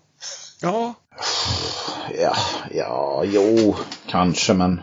Nej, jag vet inte fan. Vissa ställen så klickar man inte med bara. Så. Nej, det är helt sant. det är så. Mm. Men det var fantastiskt. Alltså jag har snackat rätt mycket med Stjernquist om det där, om våra veckor som vi hade där nere. Och det på något sätt den samhörigheten vi hade, det här gänget som vi fiskade liksom. Och Ja, jag vet brandmannen eh, Mats Andersson i Rutulus, han, han kallade, han var ju han var ju lite brandman men eh, anledningen att vi kallade han för brandmannen var ju att han rökte som en bossbindare. Så det, det, det var ju liksom, det var ju rök om honom hela tiden. Han rökte ju typ eh, tre paket röda prins om dagen plus att han rullade lite eh, själv också vid sidan av. Så han rö- rökte nog en 80 cigg om dagen eller någonting, så det rök jag med honom hela tiden. Så det var ju därför jag blev brandmannen. Ja men ni var ju ett jädra gäng där och, men Ja. höll, ni, höll ni på alla åren ända tills du Ja, Slutade faktiskt. Det var, eh, det var några som bytte av lite sådär, men vi var ju det där gänget. Och den, den känslan liksom, jag vet inte fasen man någonsin kommer att få tillbaka. Alltså, det är, på något sätt känns det lite som svunnen tid. Liksom att man var det här gänget som höll ihop och man hyrde stuga och så vidare. Jag vet inte om den, den känslan faktiskt någonsin kommer tillbaks. Vad sa du, hur lång, var låg den där stugan då? Den låg precis eh, jämte vägen borta i den lilla viken så att det var liksom eh, Ja, där ja. tvärs över vägen bara och så, så var du nere liksom vid vattnet. Så att det var liksom ett stenkast från, eh, från sjön. Så det var ju perfekt eh, läge på stugan. Vi behövde ju liksom inte gå några långa sträckor eller så. Utan det, var, nej, det var en fantastisk tid. Eh, helt Ja. det där är nog också en an anledning för mig att jag känner att liksom komma till ställen där man, man är liksom inte tvåa på bollen utan man är 2000 på Ja, bollen. ja, Ja. Mm. Alltså jag kan förstå folk när, när man liksom är inne i det här, man, man hittar en sjö och den här magiska perioden i början. Att det är någonting helt annat. ja. Komma dit 20 år efter. Jag förstår din känsla faktiskt. Mm. Det är samma med Dalälven om jag åker dit. Jag, jag har aldrig suttit i sprutet fast jag varit där hur mycket som helst. Nej, Eh, Jag kan gilla Dalälven men jag skulle aldrig sätta mig i sprutet utan då, då söker jag efter någonting eget nytt sådär. Jag, jag, jag vill utforska. ja. Ja, det är helt rätt. Men det är ju, Ja. folk är ju liksom olika. Vissa gillar utforska, andra gillar inte utforska. Det är väl det Nej. är där meter går ut på. Ja, Ja. Gör hur man vill. Så är det ju. Eh, Men det var, det var ändå liksom det här Arntorpa-tiden var ändå en fantastisk tid som man minns tillbaka till med glädje. Alltså. Mm. Lite magiskt. Ja. Vad tror ni om Mantorp då? Kommer det, kommer det komma en sån där gyllene era där? Det har ju varit, eh, det har varit en ganska lång svacka där nere nu men eh, nu kom det ju upp faktiskt en eh, riktigt fin fisk. Det var ju en av mina kamrater här uppe i Nässjö som, ja han bor ju nere i Halmstad nu för tiden men Birk fick ju en riktigt fin fisk i, i ja, början av juni förra året på 4475 eller någonting sånt där. Ja, det är inte illa och det är nog den största fisken som har kommit upp på ett bra tag så att det, man vet inte. Det kanske kan vara på väg tillbaka. Det vore jättekul om det är så. Men det där måste ju bero mycket på hur mycket fisk som, eller hur mycket folk som fiskar och sådär med, med mat och boiligt och mäsk och. Ja. Och jag tror att de, eh, de vande sig vid den här broilerfödan och de mängderna som, och det var väl därför de blev så stora under en period och sen trappade fisket av lite och, och då var liksom, de var ju vana vid den här extra näringskällan som de fick eh, och tyvärr kollapsade väl fisket lite efter det, tyvärr. Ja, det är ju inte ovanligt att det, att det blir sådär. Nej. Ja, för när Eskil Laken började fiska där då, då kändes det nästan som att ja, Kölbydammen och var snäppet bättre men sen så tog Antorpa klivet förbi Ja. ordentligt sen. Jo, så, så var det ju definitivt. Men eh, vi får väl hoppas att den eh, reser sig igen. Det hade varit kul. Ja, annars har du väl Lilla Kärrby där precis bredvid. Ja då, absolut. Det är också en sjö som jag faktiskt aldrig har varit i som jag... Den eh, lockar lite. Eh, och utforska faktiskt. En annan finmört också. Ja, det är ju det. och mörten har också varit en sån där fisk som Ja. har... Ja, det var väl egentligen den där mörten som jag fick här nere i dammen i Fredriksdal som väckte den intresset från början 1981. Ja, vi har pratat om den. Hur stor var den nu igen? 560 gram var den. 560, ja just det. Ja, det är fantastiskt spännande när, när mörtarna kommer upp i den klassen. Ja. Mm. Nej, det var... Sen har det väl liksom varit en obsession för mig att någon gång få uppleva den där kilosmörten liksom. Och jag le- reste jag nämnde ju den här resan upp till Tokajärvi, Alltså man fick ju nästan prata lite tyst om det där att man jag menar, visst meternördarna som man umgicks med, de fattade ju absolut att man åkte dit för att fiska mört. Men jag menar, till gemene man gick det ju inte riktigt så här, ja men, eh, ja vi åkte 154 mil upp. Ja, vad gjorde ni då? Ja, vi fiskade här. Ja. Ja, För det gick inte. Ja, alltså man, ju, man blev ju komplett idiotförklarad om man, om man sa att man hade åkt 150 mil för att fiska mott. För då var man ju inte riktigt frisk. Nej, så- är det ju. Men eh, sen hade vi ju, som jag nämnde väl även det förra gången, det här eh, vattnet. Eh, då när man fick se den här första kilosmöten som Borgne fick i Rundsrödssjön. Där det var, väcktes ju ändå den här känslan att det, det, fin, det, alltså möjligheten finns ju ändå att ta en kilosfisk. Så Kommer du ihåg hur lång den var? Nej, det gör jag faktiskt inte. Men jag skulle tippa på att den var, den var nog inte speciellt lång för den var ju smällfet alltså. Men jag skulle tippa på någonstans där 42-43 centimeter kanske. Någonstans där. Skulle jag gissa. Men eh, jag, jag ska inte svara på det. Och sen hade vi ju, det var ju en, en period, det måste ha varit runt 90 där. Då var det ju ett, eh, ett par eh, Jönköpingskillar eller Huskvarna eller vad de var ifrån. Jocke Rikkonen och Stig Lundahl som skottade upp en jädra massa stora mötta som de hävdade då kom ifrån Huskvarnaån.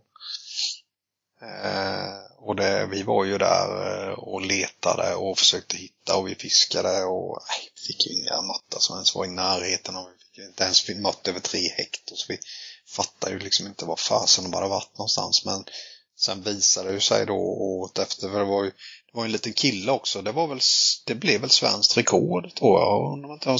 Någonstans 1200 eller någonting sånt. Eh, det visade sig att det var ju Västersjön de hade fiskat. Eh, kom det ju fram till slut. Så 91 så åkte jag och Sven och Morgan dit eh, till Västersjön. Men det är ju det här med mörtvatten, alltså de, de har ju, alltså det är ju så lätt att knäcka dem. Och vi var ju tyvärr ett, ett år för sent. Alltså det, det är ju bara att, inse det så här i efterhand för att vi fick ju måtta, jag fick ju nytt pass på 865 och Morgan tog någon på 900 men men de här kilosmöttarna som de hade där, alltså de var borta redan. Alltså det var, det var ett år för sent, tyvärr. Så att vi fick liksom aldrig uppleva det här fantastiska fisket som de, som de hade då. Utan det var, det var liksom, det var redan för sent, tyvärr. Sen har jag kört på i Västersjön. Jag fiskat där, fiskar där fortfarande och sen konditionen på fiskarna är väl inte fantastisk. eh, Men det, det går ju.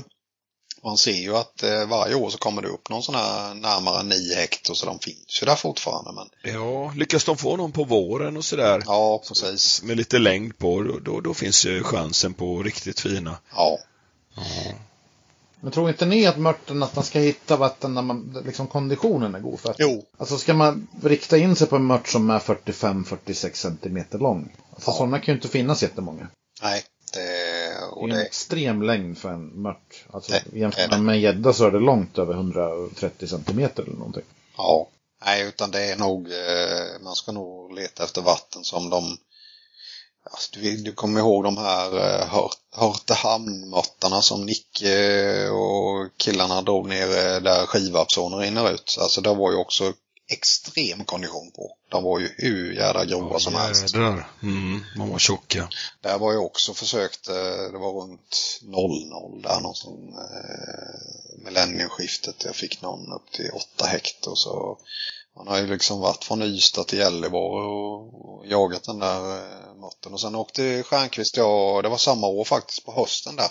Att, eh, då, då, då hade de det här fantastiska fisket i Danmark i Själsjö.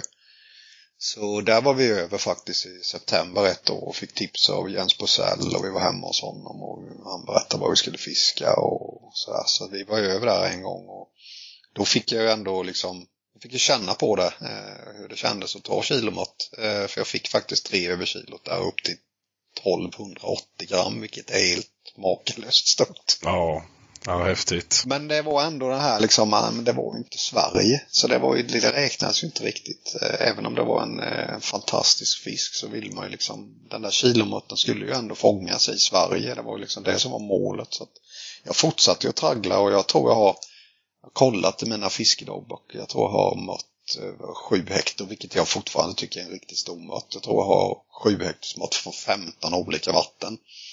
Oh. Men det, man ville, det ville sig liksom inte riktigt där. Jag fortsatte att traggla i Västersjön och nej. Och så var det det här, nu kommer vi in på det här igen Tom, bara det här med slumpfiskar. Mm. Så det var ju den där morgonen eh, i Rögle dammar då. Eh, 28 maj 2011 som det hände. Och eh, jag hade faktiskt tagit pass på Brax eh, tidigare på morgonen på 6 och 3. Då var den här fisken som jag tyckte var fasen, det är ju liksom Häckeberga storlek, det är ju liksom helt makalöst. Ja. Och sen så pep det iväg på, eh, på ett spö på en eh, lite senare på, på morgonen där och jag vet Ola Esbjörnsson och Dick Persson var det väl tror jag som var i med. Så de kom ju och Dick hovade den här vilket visade sig då vara en stor mört istället som hade nappat och den vägde ju då över den här magiska kilosgränsen, 1060 gram. Så eh, det var faktiskt en slumpfisk som till, slä- till slut eh, spräckte den där kilosvallen för mig. Eh, Hur kändes det då? Alltså det, det kändes faktiskt helt fantastiskt. Alltså det kändes ändå liksom att nej men den här, oavsett om jag egentligen inte var ute efter mört, så har jag kämpat för den här fisken i så många år och åkt så många tusen mil för att jaga den här kilomörten. Så jag, jag sket helt enkelt i att det var en slumpfångst. Det var bara euforisk lycka. ja. Du tog den ju på en metod som är anpassad för mört också och på grejer liksom som Ja då. Det var faktiskt, den eh, den tog faktiskt på en liten eh, 10 mm miniboilie. Så det, det var betet som knäckte min kilosmört till slut. Så, men jag har, fort, jag har faktiskt fortfarande det ultimata målet kvar på mört och det är, det är ju inte alls säkert att man någonsin kommer att få uppleva det, men en svensk mört över tre pund. Det, då, det är, skulle jag få det så är det nog mitt livsfisk. Men det är, man ska ha drömmar också. Det är viktigt. Ja, för tusan. Mörten är lite lyrisk där, för man, man vet ju inte vart fan man ska leta efter den heller. För den kan ju finnas i skärgården, i stora sjöar, små dammar, åar. Överallt alltså. Ja. Så att eh, Men jag kommer definitivt fort, fortsätta att fiska stormat för jag kommer alltid ha en fascination över det. Och det är väl just det här liksom att dels börja med den där fem hektorsmåtten och sen just att de är, när de når den här storleken så de känns overkliga på något sätt. Det, de ska inte finnas. Det, är, det är ett väsen är det. Jag vet exakt hur det är. Alltså jag har jagat en kilosmört hela livet och jag har lagt så otroligt många hundra pass på. Ja. Ja. Nu har vi hittat ett vatten där man, liksom Eskilstunaån och trakterna här, så mörtarna är ju så otroligt höga och breda. Ja. Och vi har aldrig fattat det där för att det, är ju, det har ju liksom varit de här normala mörtarna som vi har fått. Och sen när man har åkt till Dalälven och andra ställen och de är liksom, fan vad smala mörtarna liksom långsmala. Och så har vi förstått att nej, det är det nog inte utan det är våra mörtar som är så jävla tjocka. Ja. Eh, Vi har ju en pöl, jag skickade en bild till Palle. Jag fick en sommarmört, fick den i augusti. Den var på 32 centimeter, den vägde 710 eller 20 gram. Oh jösses. Fantastisk kondition. Så Ja. jädra hög alltså som en eh, björkna nästan. Ja, och det är ju sommarkondis. Ja. Inte Ja. en förlekskondis utan det är ju en vanlig sommarkondis. Så att, ja, får man den på 40 centimeter då har man ju liksom fått den på långt över kilo tror jag. Ja, definitivt. Det låter ju riktigt spännande. Är- Men de blir inte så långa. De Nej. blir höga men Ja, svårt att komma över liksom 35 eller så. ja. Undrar varför det är så då? Och likadant i Eskilstunaån som du pratar om. Ja, Sacco fick ju en på 9 hektar. Jag tror inte den heller var över 40. Och det var en höst, höstfisk. Och sen kan man få 40 plus i Dalälven men de är smala då. Ja, det är inte ens en regg. Nej, Nej, nej, det är märkligt det där alltså. det är märkligt. Ja. Så att det, där tror jag att hittar man ett ställe där, där fiskarna är höga Ja, om man kan hitta det här, liksom det här exemplaret som är 40 kanske någon centimeter över, då kan man ju få den här drömmörten. ja, Men att få den i Dalälven, den känns, alltså man tänker på fisketrycket, hur många människor som fiskar där och hur få mörtar det kommer över kilo. Så det är ju liksom ingen, det är inte där man ska börja leta om man säger så. nej, det är definitivt inte så. Men det är visst, det åker ju upp kilosmötta där, men det är ju på, alltså fatta hur många möttar du måste vända på för att få kilosmött i Dalen. Mm. Det är helt galet. Ja. Ja, Ja. det är tokigt. Ja, Nu eh, knackat fram din vikt här Niklas. Eh, din trepundsmört som du ska ta, den väger i kilo, eller vi säger gram, Eh, Nej, det kan vi inte göra. 1,360. Ja. Ja. 1,360. Det, det, det är drömmålet. Ja. Och det är inte enkelt. Nej, det är det inte. Det har du lite att kämpa på. Ja, det ska man ha. Men vad tror du om sådana här vatten som till exempel Västersjön och Vrangsjön och sådana här som har varit bra en gång och sen så tror du att de, det finns, att de kan komma tillbaka? Alltså, Det har varit bra kilosmört där och sen sjunker vikterna. det känns ju som att konditionen är den är för dålig helt enkelt. Alltså, Jag har ju liksom varit där och testat eh, på senare år i båda sjöarna och det de är ju, alltså de är, de ser hemska ut i konditionen alltså. Det är ju, Ja, ja. det är ju vrak. Så att det är, det är tveksamt om jag ska vara ärlig. Tyvärr. Norrlandsmörten då? Varför, varför, varför tror vi att de blir så stora? Är det få individer eller är det väldigt gamla individer som har gått länge? Eller? Ja, det är, det är en jävligt svår fråga faktiskt. Jag har klurat också väldigt mycket på det där. För jag menar, där uppe känns det som att det finns stor mört i hur många vatten som helst. Och jag kan, alltså, ni kan ju föreställa er hur många pölar det finns uppe i Norrland som ingen har fiskat i. Där det finns hur stora mörtar som helst. Det känns ju som att det finns stor mört i var och varannat vatten. Och det är lite, för mig är det lite mysterium. Det finns ju i och för sig oftast in, kanske ingen annan vitfisk. Alltså de är ju liksom ensamma om det, men jag vet inte. Inte med Eda heller. Nej. Pölar kan, det vara, kan det vara den enorma tillgången på mygglarver? Jag vet inte. Ja, kanske är det. Jag menar, Och att, my, att mygglarverna, mygglarverna, de är en väldigt lång tid i vattnet på botten. ja, Och så en, under en väldigt kort tid så kläcks de mm. på sommaren. För jag menar, man, man, man fattar ju liksom hur sjukt mycket mygglarver det måste vara i vattnet där uppe med tanke på hur mycket mygg det är. Så att det måste, Ja. De måste ju ha kopiösa mängder mat. Men sen samtidigt så är de ju, du, du ser ju aldrig de här Norrlandsmörtarna som är, precis som du säger, de bara höga eller så, utan det är de här långsmala fiskarna. De är, de är rejält grova över ryggen, men de har ju aldrig någon buk, utan det är ju liksom, det är långsmala fiskar på 43, 44, 45 centimeter, de här riktigt stora de får. Så att, Ja. eh, det, det, är- det är ett mysterium alltså.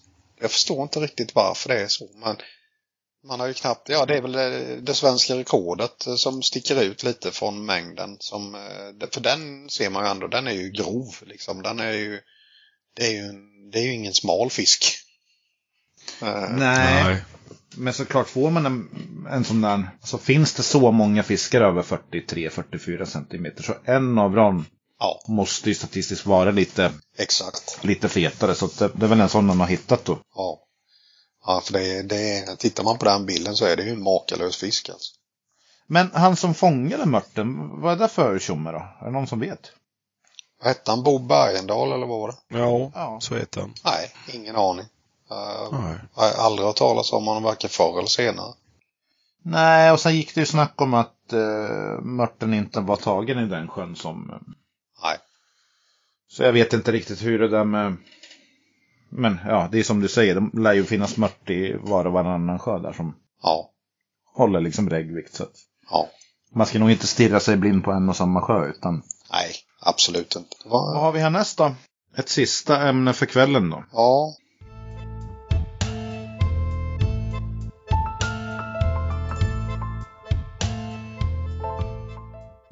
Och det, det går ju över då lite. Jag hade en eh, period där runt 2000 där jag liksom började känna suget efter predatorfiske. Och eh, la väl egentligen nästan metet helt åt sidan eh, under ett antal år. Eh, mellan 2000 och 2004 så körde jag egentligen enbart predatorfiske. Och snöade in på det rätt så rejält. Eh, det började väl lite så här smått med lödde och abborrfisket där nere var tidigt nere i februari och fiskade med brännis och fick eh, abborre runt 15-1600. och, och sen det året så då hade jag hört eh, lite snack här hemma omkring om att de hade fått lite skapliga gösar ute i Ryssbysjön eh, som bara ligger några kilometer utanför stan.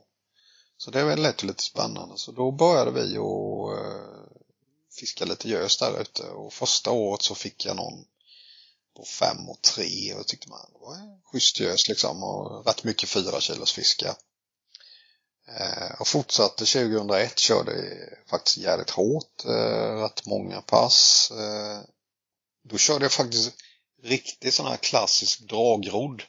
Jag hade en eh, liten eh, plastbåt på en Höga rod 340. Ingen motor utan eh, körde åror och sen hade jag ett spö på varje sida. Jag hade en Bomber 16 år som eh, jag rodde över väldigt, väldigt sakta över sjön med och det gav faktiskt riktigt bra resultat.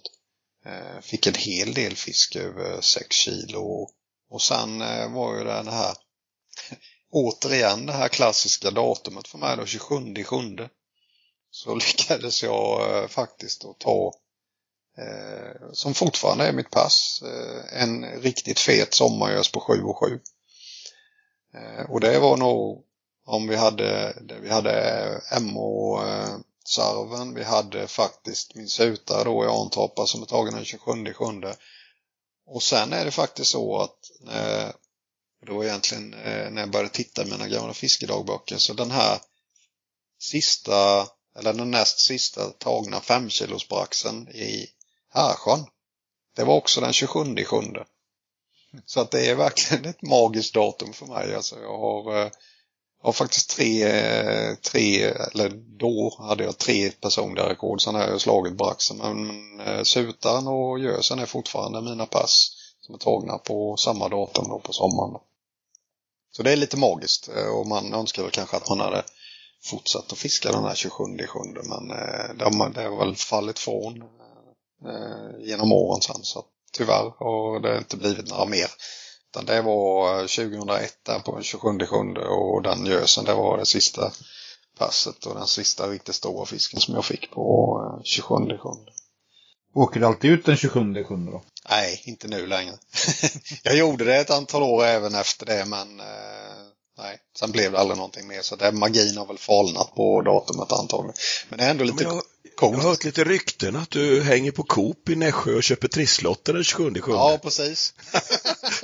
det är väl det som kan hända i sådana fall nu för tiden. Ja. Nej, men sen eh, jag fortsatte ju 20, 2002. Körde jag också hårt där ute. Jag hade med, med min hustrus eh, systerson eh, en hel del gånger där. Han var, började bli fiskeintresserad. Han var väl så här runt 13-14 år då.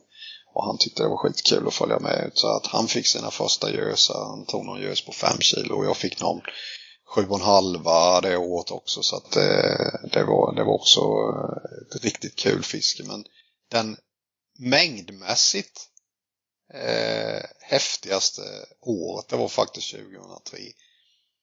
För då gick jag över till mete. Eh, och det, jag ska inte säga att det var jag som kom på det för att det var faktiskt eh, Leif Ivarsson och några till som började och de satt, eh, jag såg ju när jag åkte runt där och hasade mina drag att de satt och metade och jag tyckte de fasen, de fick ju rätt mycket fisk alltså. Det där kändes ju som att det där är ju någonting som man kanske borde testa på så att då fixade man ju lite mat. Och sen, alltså de den, den sommaren, jag hade några sådana makalösa fisken när man hade liksom 20 måttar med sig ut och var tvungen att åka hem för betesfisken tog slut. Det, det, var helt galet, alltså vad de, de, de, var, de slängde sig över måttarna alltså. Jag hade någon gång när jag fick, eh, mina betesfiskar var slut, jag hade, jag hade fått eh, ja, två över sex kilo och sen så fick jag någon så här som som spydde upp en halvsmält mört. Det var liksom på, på min sista mört fick jag den. Och då tog jag den här halvsmälta måtten och satte på och skickade ut och det tog fem sekunder så dök flötet på den med. Så det, de var helt galna alltså. Det var eh, ett helt makalöst fiske. Så det, den sommaren, eh, det kommer jag aldrig glömma. Jag hade, jag tror jag hade 22 över 5 kilo eh, ute på Ryssby den sommaren. Det var ju helt galet bra alltså. Det är ju livescope-resultat. Eh, ja, helt, helt magiskt. Sen, sen är ju, jag menar, tittar du på dagens gösfångster så är liksom de här fiskarna är ju, jag menar, det är ju knappt de släpper betet på dem idag. Men, men, men för en annan så var det ju helt makalösa fiskar. Jag fick ju ändå, eh, jag tror jag fick tre över sju kilo så det var ju, det var ju riktigt, riktigt bra.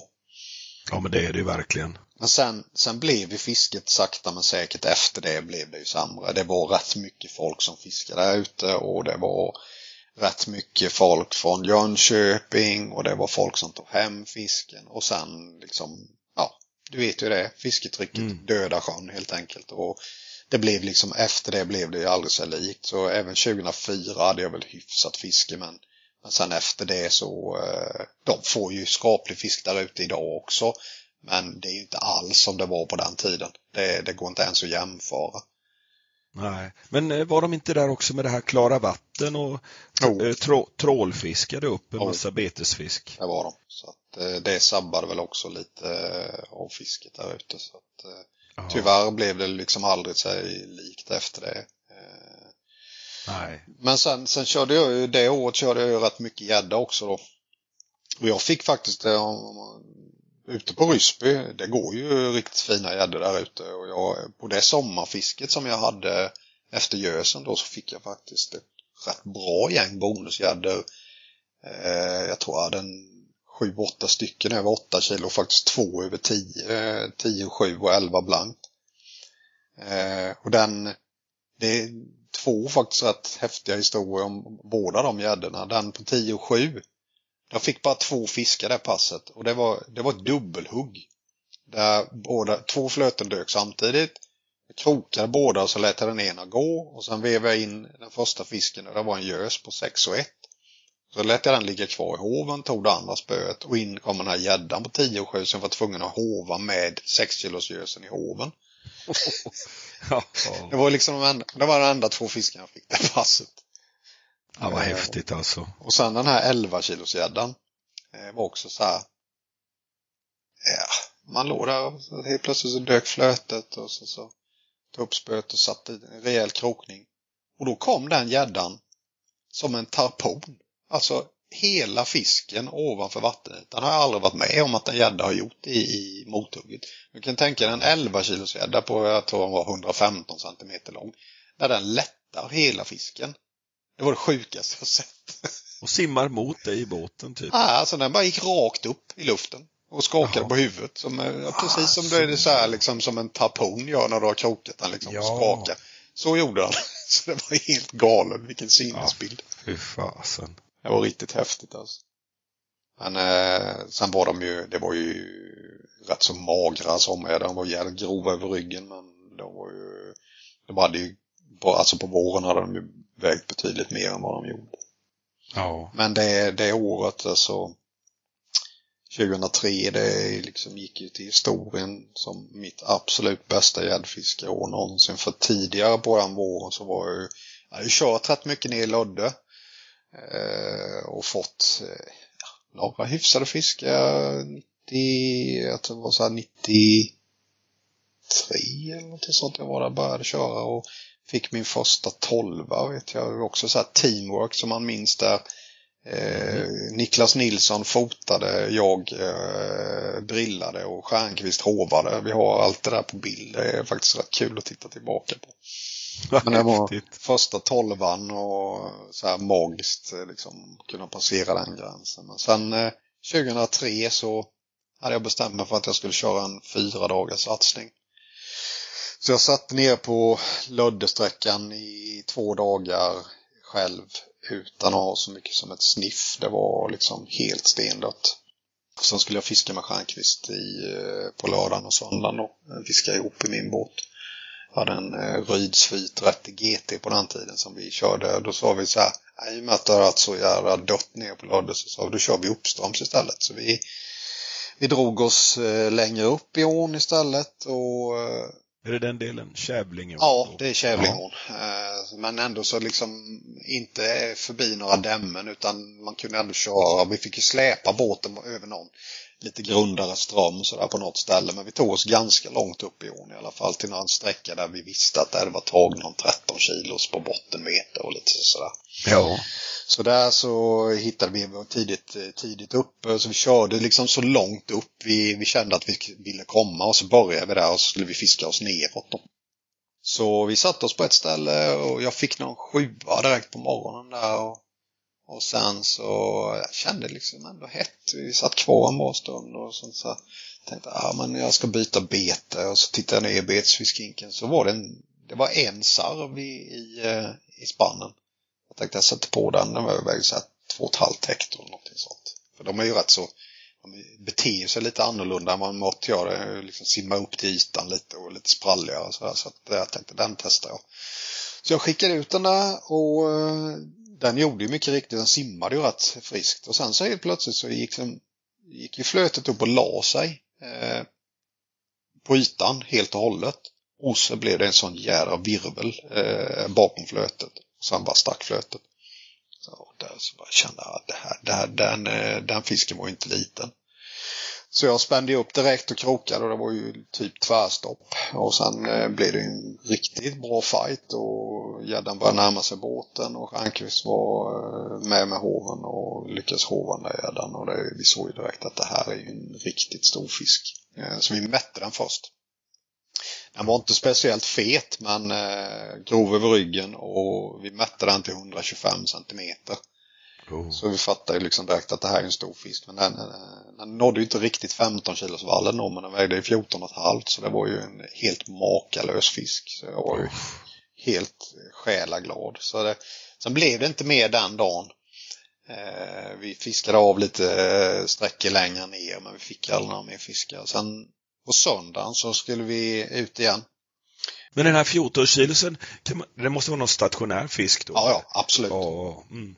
Det var det. Så att den, det var en sån fisk som bodde där hela tiden. Liksom. Mm. Alltså vi, eh, vi körde upp på söndagen på exakt samma ställe som jag fick den här 14 kilosen och det tog nog inte mer än en halvtimme så fick jag hugg igen eh, och fick eh, första gäddan för dagen då på 10.3. Och sen så åkte vi ytterligare lite längre ner satte oss på ett annat ställe och gjorde riktigt, riktigt lång drift och så dök flötet, krokade den, hade frös om händerna så det small i fingrarna när, när jädra veven och eh, lyckades drilla in den. En, en gädda till då på 10 blankt. och då började liksom Stjernquist grymta lite. Ja, men kan du inte, kan du inte lämna någon fisk till mig? Ja, men det är som det är liksom. Det är, så är det ibland.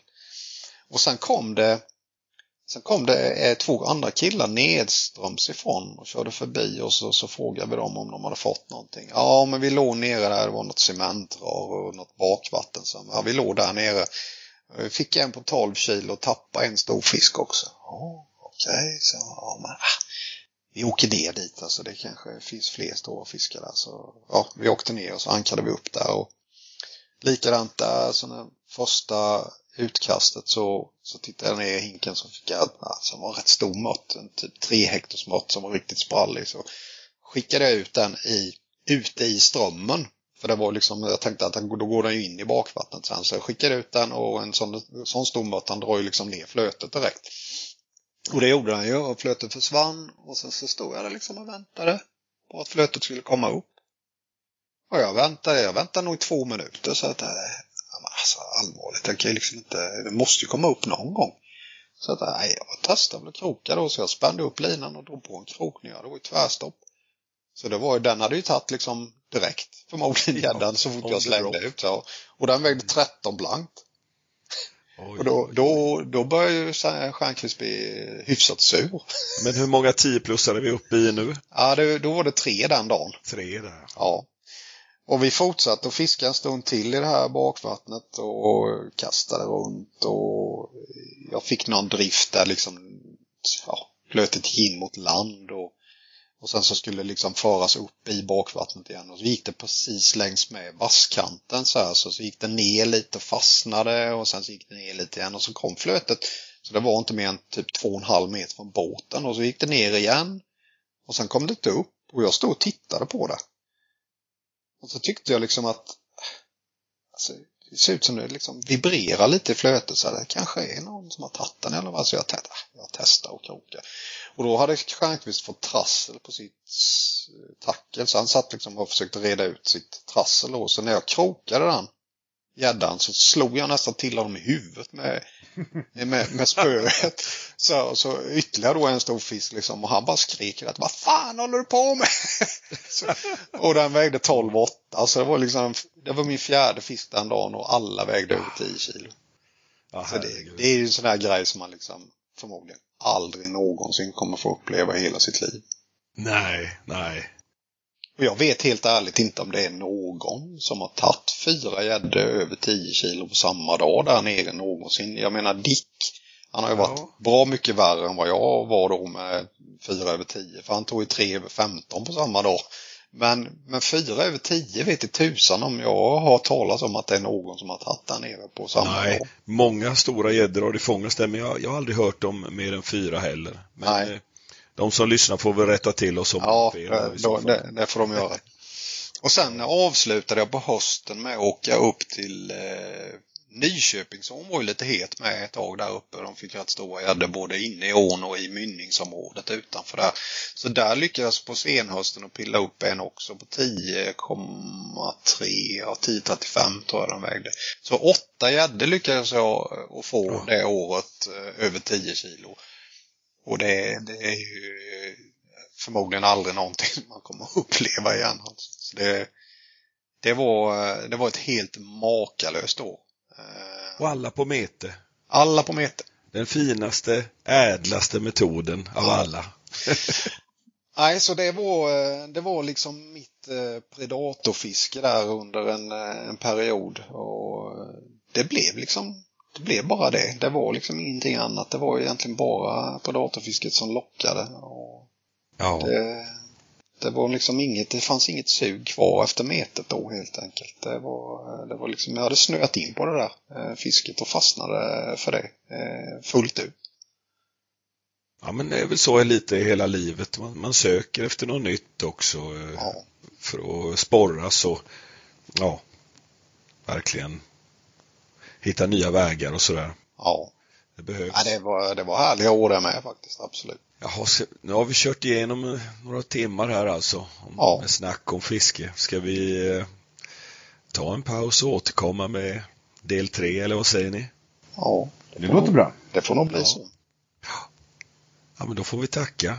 Ja, tack ska ni ha för att jag återigen fick eh, återuppliva lite gamla minnen. Ja, stort tack för underbara historier. Vi hörs eh, på, åter, på återseende eller på återhörande. Jajamän. Ja. Ha det göttans. Ja, tack, tack ska ni ha. Hej. Hej.